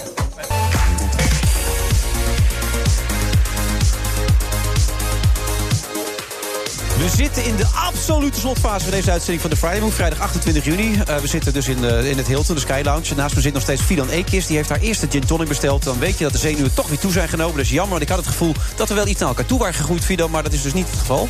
Jawel, we zijn zeker wel naar elkaar. Dit is gewoon een gezellige vrijdagborrel. Oké. Nee, ik was vandaag helemaal niet zenuwachtig. Nee, volgens mij ook niet. Ik, moet dat ook niet te vaak vertellen, geloof Ik, ik. ik pak ook even je boek erbij. Fidan Eekis. Alles begint en eindigt met familie. Waarom? Omdat het zo is. Nee, dat is een heel slecht antwoord. Dus eigenlijk gezegd daarom. Dat zijn mijn, dat zei ik als kind ook altijd. tonic is al voor de helft Waarom is het zo? Daarom zei je dan als kind. Nou, eigenlijk komt dat uit een eh, boek. Eh, dat gaat over familie, eh, met allemaal familieportretten. eh, vond ik, ik vond het een mooie titel. Eh, maar mijn boek, ja, ik heb, ik, het zijn gebundelde columns. En die columns gaan voor een groot deel over mijn familie. Ja. Dus ik vond het wel toepasselijk. En ik denk, ja, ik, ik- mijn documentaires gaan erover, mijn boeken gaan erover. Ik heb me ook voorgenomen om hierna niet meer over mijn Het is een familie soort te therapie schrijven. voor jou volgens mij. Ja, eigenlijk. eh, nou, het heeft twee kanten. Aan de ene een heleboel kant. geld, eh, kan je melden. ja, hoef je niet op die, op die sofa te liggen. Nou, dat, dat is waar. Nou, ik ben wel iemand die het eh, graag van zich afschrijft. Maar ik schrijf ook heel veel dingen die mij gewoon heel vrolijk en gelukkig maken. Maar je zegt er ook over, het boek heeft me bevrijd. Wat bedoel je daarmee? Wat, waar, waarvan dan? Eh, hoe dan? Bevrijd in die zin dat ik eh, de on- onderwerpen waar ik over schrijf... die gaan over best wel gevoelige thema's. Ehm, over de Turkse gemeenschap, over ehm, eh, religie, de islam, eh, over integratie. Dat zijn thema's waar, waarover je ehm, in Nederland ja, wel kan praten, alles kan. Mhm. Maar waar je ook wel vaak kritiek op krijgt vanwege die lange tenen... waar we het al Ja. eerder in de uitzending Zoals over bedreigd hadden. erom kan worden ook. Ja, je kan er bedreigd om worden. Je kan er ook gewoon door mensen van wie je houdt kritiek om krijgen. Omdat zij Ja. dan vinden dat je eh, je eigen nest bevelt en noem maar op. Ik heb me daar altijd best wel wat van aangetrokken. En ehm, eigenlijk vanaf het moment dat ik die columns ben geschreven voor het Algemeen Dagblad. En ehm, nou ja, het ben gaan bundelen in dit boek. Dacht ik, hé, hey, het is eigenlijk nieuw voor mij dat ik. ehm, dat ik me daar niet meer druk om maak. Dat ik dat van me heb af weten te schudden. Vind ik nog heel erg jammer dat dat zo lang heeft moeten duren. Eh, maar dat ik nu gewoon alles kan zeggen wat ik wil zeggen... zonder me druk te maken over... ja, zou dit wel eens kunnen betekenen dat die en die niet meer met mij praat... en eh, dat, dit, ja, dat ik problemen krijg binnen de gemeenschap. Mijn familie staat altijd wel achter mij... maar die vinden sommige dingen soms ook wel lastig. Hoe vond je vader voordat hij overleed? Wat vond hij ervan? Mijn vader stond wel altijd achter mij, maar die zei wel bijvoorbeeld over ehm, Turkije dat ik. eh, ja, dat ik de problemen ook wel een beetje opzocht. Dat ik ook wel voorzichtig moest zijn met wat ik zei. Omdat hij wist dat ik werd bedreigd of dat ik werd uitgescholden en noem maar op. Hij was bang voor zijn dochter. Ja, hij was wel. Ja. Ja, Hans wil nu, nu hebben we het ook allemaal daarover, over dat je mensen voor het hoofd stoot. Maar is er ook de andere kant? Zijn er ook mensen die op je afkomen en zeggen... ik ben zo blij dat je dat zegt, ik, ik denk er ook zo over. Ja. Het- dus je breidt eigenlijk... Die groep je- is groter. Ja, Je precies. bevrijdt heel veel mensen eigenlijk ook Ja. daarmee. Ja, Ik, kan- hoop het. Ja, nou ja, er wordt, iemand zei laatst nog tegen mij... eh, leuk dat jij de wereld wil redden, maar eh, ehm, val anderen er niet mee lastig. Dat ontmoedigt dan wel eens. Dan denk ik, ik wil helemaal niet de wereld redden. Maar ik krijg ook heel veel reacties inderdaad van mensen die zeggen... ik ben blij. Ehm, bijvoorbeeld eh, vrij, zeg maar, meisjes die conservatief sober worden opgevoed... die dan zeggen, eh, mijn vader, ehm, ja, die, die respecteert jou wel. En, en als jij zegt dat ik meer vrijheid moet krijgen... net zoals de jongens binnen de Turkse gemeenschap... ik wil ook eh, ehm, seks kunnen hebben voor het huwelijk... ik wil mijn eigen partner kunnen uitkiezen... en jouw geluid komt wel aan Hmm. bij, mij, bij mijn ouders. Nou, Da- da- daar word ik heel blij van. Ja. Dat geeft mij wel een reden om ermee door te gaan. Jouw ouders die jou juist enorm gestimuleerd hebben hè, om wel te gaan, net als je broers, die als je broer en je zussen, om het wel te doen, toch? Ja, om maar die hebben daar ook pakken. veel hindernissen voor eh, over moeten gaan. Ehm, Ja. omdat ja, die zijn eigenlijk mee geëmancipeerd met ons. Want ja, mijn vader had best wel moeite ook eh, als hij eh, zeg maar het Turkse café binnenkwam en men begon over. Ja, jouw dochter studeerde buiten het dorp en eh, die, hè, die gaat trouwen met een Nederlandse, autochtoon Nederlandse man en noem maar op. Ja. Hij heeft daar gewoon altijd van gedacht, weet je wat, op een gegeven moment gekozen, niet altijd, maar op een gegeven moment ervoor gekozen om zich er niks van aan te trekken. Eigenlijk volg ik een beetje zijn eh, pad. Ja, nu noem je toch even die autochtone man. Ik zal er verder niet op doorgaan, maar die wil niet dat je over de scheiding schrijft.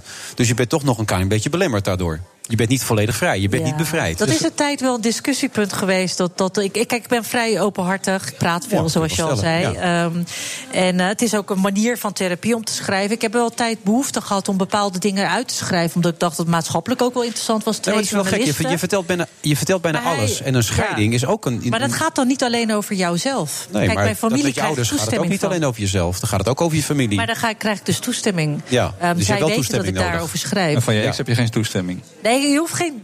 Ja, maar dat is best wel privé. En hij heeft daar natuurlijk ook wel een. Ik eh, denk ook niet dat het nodig is. Ik, ik denk dat je ook over de scheiding kan schrijven over je eigen gevoel en wat het met je doet.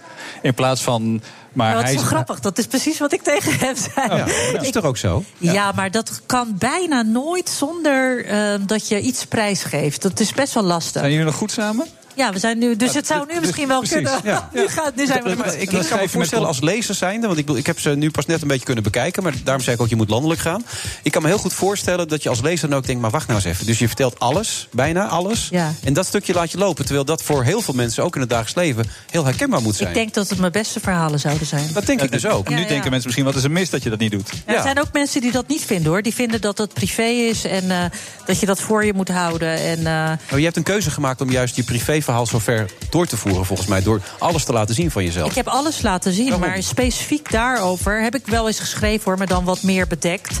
Kijk, ik wil daar natuurlijk gewoon geen spanning over. Maar nou, nu, nu, Het is ook zijn geen familie meer. Hè? Dus alles begint met familie en eindigt Nee, met maar misschien familie. speelt mee dat, omdat haar ex-man natuurlijk ook bekend is dat hij dat lastig vindt. Maar tegelijkertijd kun je ook zeggen, ja, je weet hoe het werkt. natuurlijk. Domineeszoon, hè? hij heeft er wat meer moeite mee om eh, zich te uiten. Ja. Misschien moet jij eens met hem gaan praten. Nou, ik ik ik heb wel eens tegen hem gezegd dat het een bestseller kan worden. Ja. Als we daar, want, want het gaat namelijk niet alleen over eh, privé en huwelijk en noem maar op. Het is heel interessant. Dat gaat natuurlijk ook over twee culturen en twee religies. Zou ik net zeggen, ik En weet er ook alles van natuurlijk op die manier. Nou, Dus- ik word er helemaal enthousiast van. Ja, nou ja, goed. En hij is een keer co-host geweest. Ik Nou, prima met hem als je een vinden. keer met hem wil dus ik ga gewoon even met hem Ik zitten. weet wel, wel iemand die met jou wil praten. Biertuk. Sorry? Ik weet wel iemand die dan met jou wil praten en daarop eh, kan helpen. Oh ja? Ja, ja. Oh, komt, nou. komt goed. We gaan even napraten hier. Dat is heel bijzonder. Ja.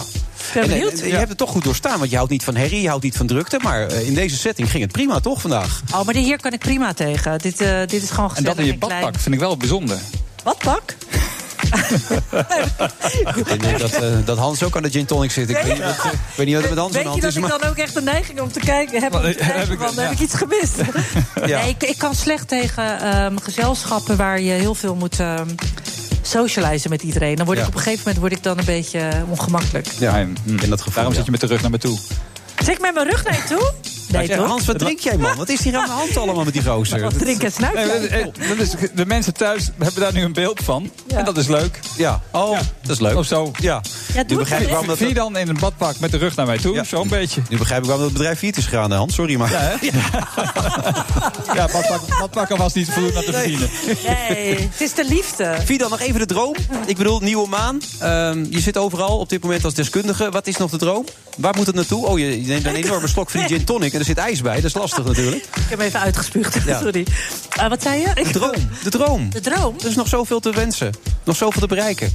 Wat ik met de nieuwe maan wil? Nee, bij alles wat je nog in je hoofd hebt Oh, zitten. de droom überhaupt. Ja. Oh, ehm, Nou, die zit er heel diep Oh. in. Ja. Ja, nee, maar ik kan nooit kiezen. Nee, ik kan nooit kiezen. Dat is een beetje het probleem voor mij. Ik ben heel blij als ik een huis kan kopen. Want daar ben ik Dat nu wil je met een schommel in de tuin ook nog. Ja, wat Ja. goed. Oh, dat vind ik zo. Kijk, ik zei het toch, je bent gewoon heel goed. Oh. Dat, ja, dat vind ik echt heel goed dat je dat dan eh, zo 1, 2, 3 uit je mouw. eh, nou, niet uit je mouw kan schudden, maar dat je heel snel kan associëren. Ik heb het gelezen, dus ja, dan... Ja, maar ja, goed dan nog. Ik bedoel, je leest Ik hier over huis, heel veel andere Dat- gasten. Hier ontstaat iets Wat heel is dat toch met mannen dat ze zo slecht tegen complimenten kunnen? Ja, nou ja, goed. We het aan je maar bijhouden. Je- Nee, ik vind ook dat je het heel goed doet. Er komt nog een droom. Eh, Er is een droom.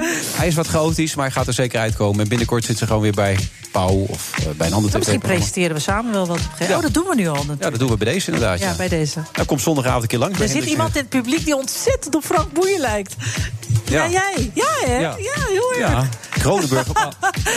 jij- Jammer ja. dat we geen tv hebben. Ik zou eerlijk zeggen, het is met een- casten voor de volgende schilderij. Jongens, we gaan echt Ja, mag ik meedoen? Het is mooi Nee, ja, je Tot zover deze uitzending van de, de Friday Move. Volgende week zijn we er weer. Ik weet niet waar we dan zitten, maar dan moet u zeker weer luisteren naar een nieuwe uitzending. En dan hebben we niemand. Dat weet ik ook niet. Tot dan.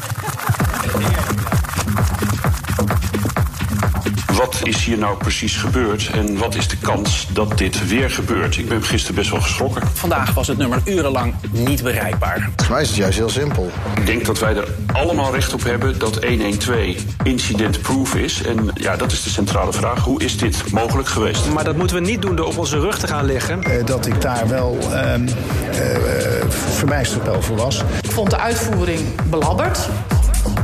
Maar ik denk dat wij er allemaal recht op hebben dat 112 incident-proof is. We moeten gewoon nu kijken eh, hoe dat zit. Ze schieten hun haartjes af en die haartjes die zetten zich vast in je huid. Eh, dat jeukt. Is het een eerlijk proces?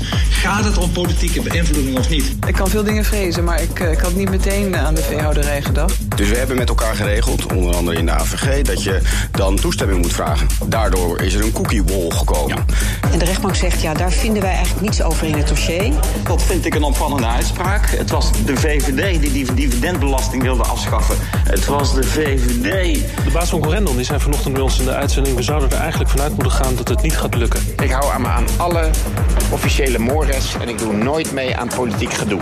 Als je in beweging bent, eh, moet je hem echt ergens in je tas, maar of kun je hem ook gewoon in je kontzak eh, opbergen. Ja, u stelt mij nou eh, vragen over een onderwerp dat ik nog niet eh, gezien heb. Voor mij is het juist heel simpel. Het hangt natuurlijk allemaal af van wat gaan de details worden van hoe die CO2-heffing eruit gaat zien. Ja, dat weet ik ook niet. Dat zou onderdeel zijn van het, eh, van het klimaatakkoord, zoals het vrijdag wordt gepresenteerd. Oké, nou prima, denk ik. I'll have a very good conversation with him. What I say to him is none of your business. Omdat het, ehm, het klimaatakkoord wat er nu ligt, is op de rand van een doorbraak. En dat doen we nu heel rustig. We zijn er rustig naar het kijken. Als het echt helemaal niet meer gaat, eh, dan eh, gooi ik pas de handdoek in de ring. TUI en Aruba zijn trotse sponsors van de Friday Move. Hardlopen, dat is goed voor je. En Nationale Nederlanden helpt je daar graag bij. Bijvoorbeeld met onze digitale NN Running Coach... die antwoord geeft op al je hardloopvragen. Dus, kom ook in beweging. Onze support heb je. Kijk op nn.nl slash hardlopen.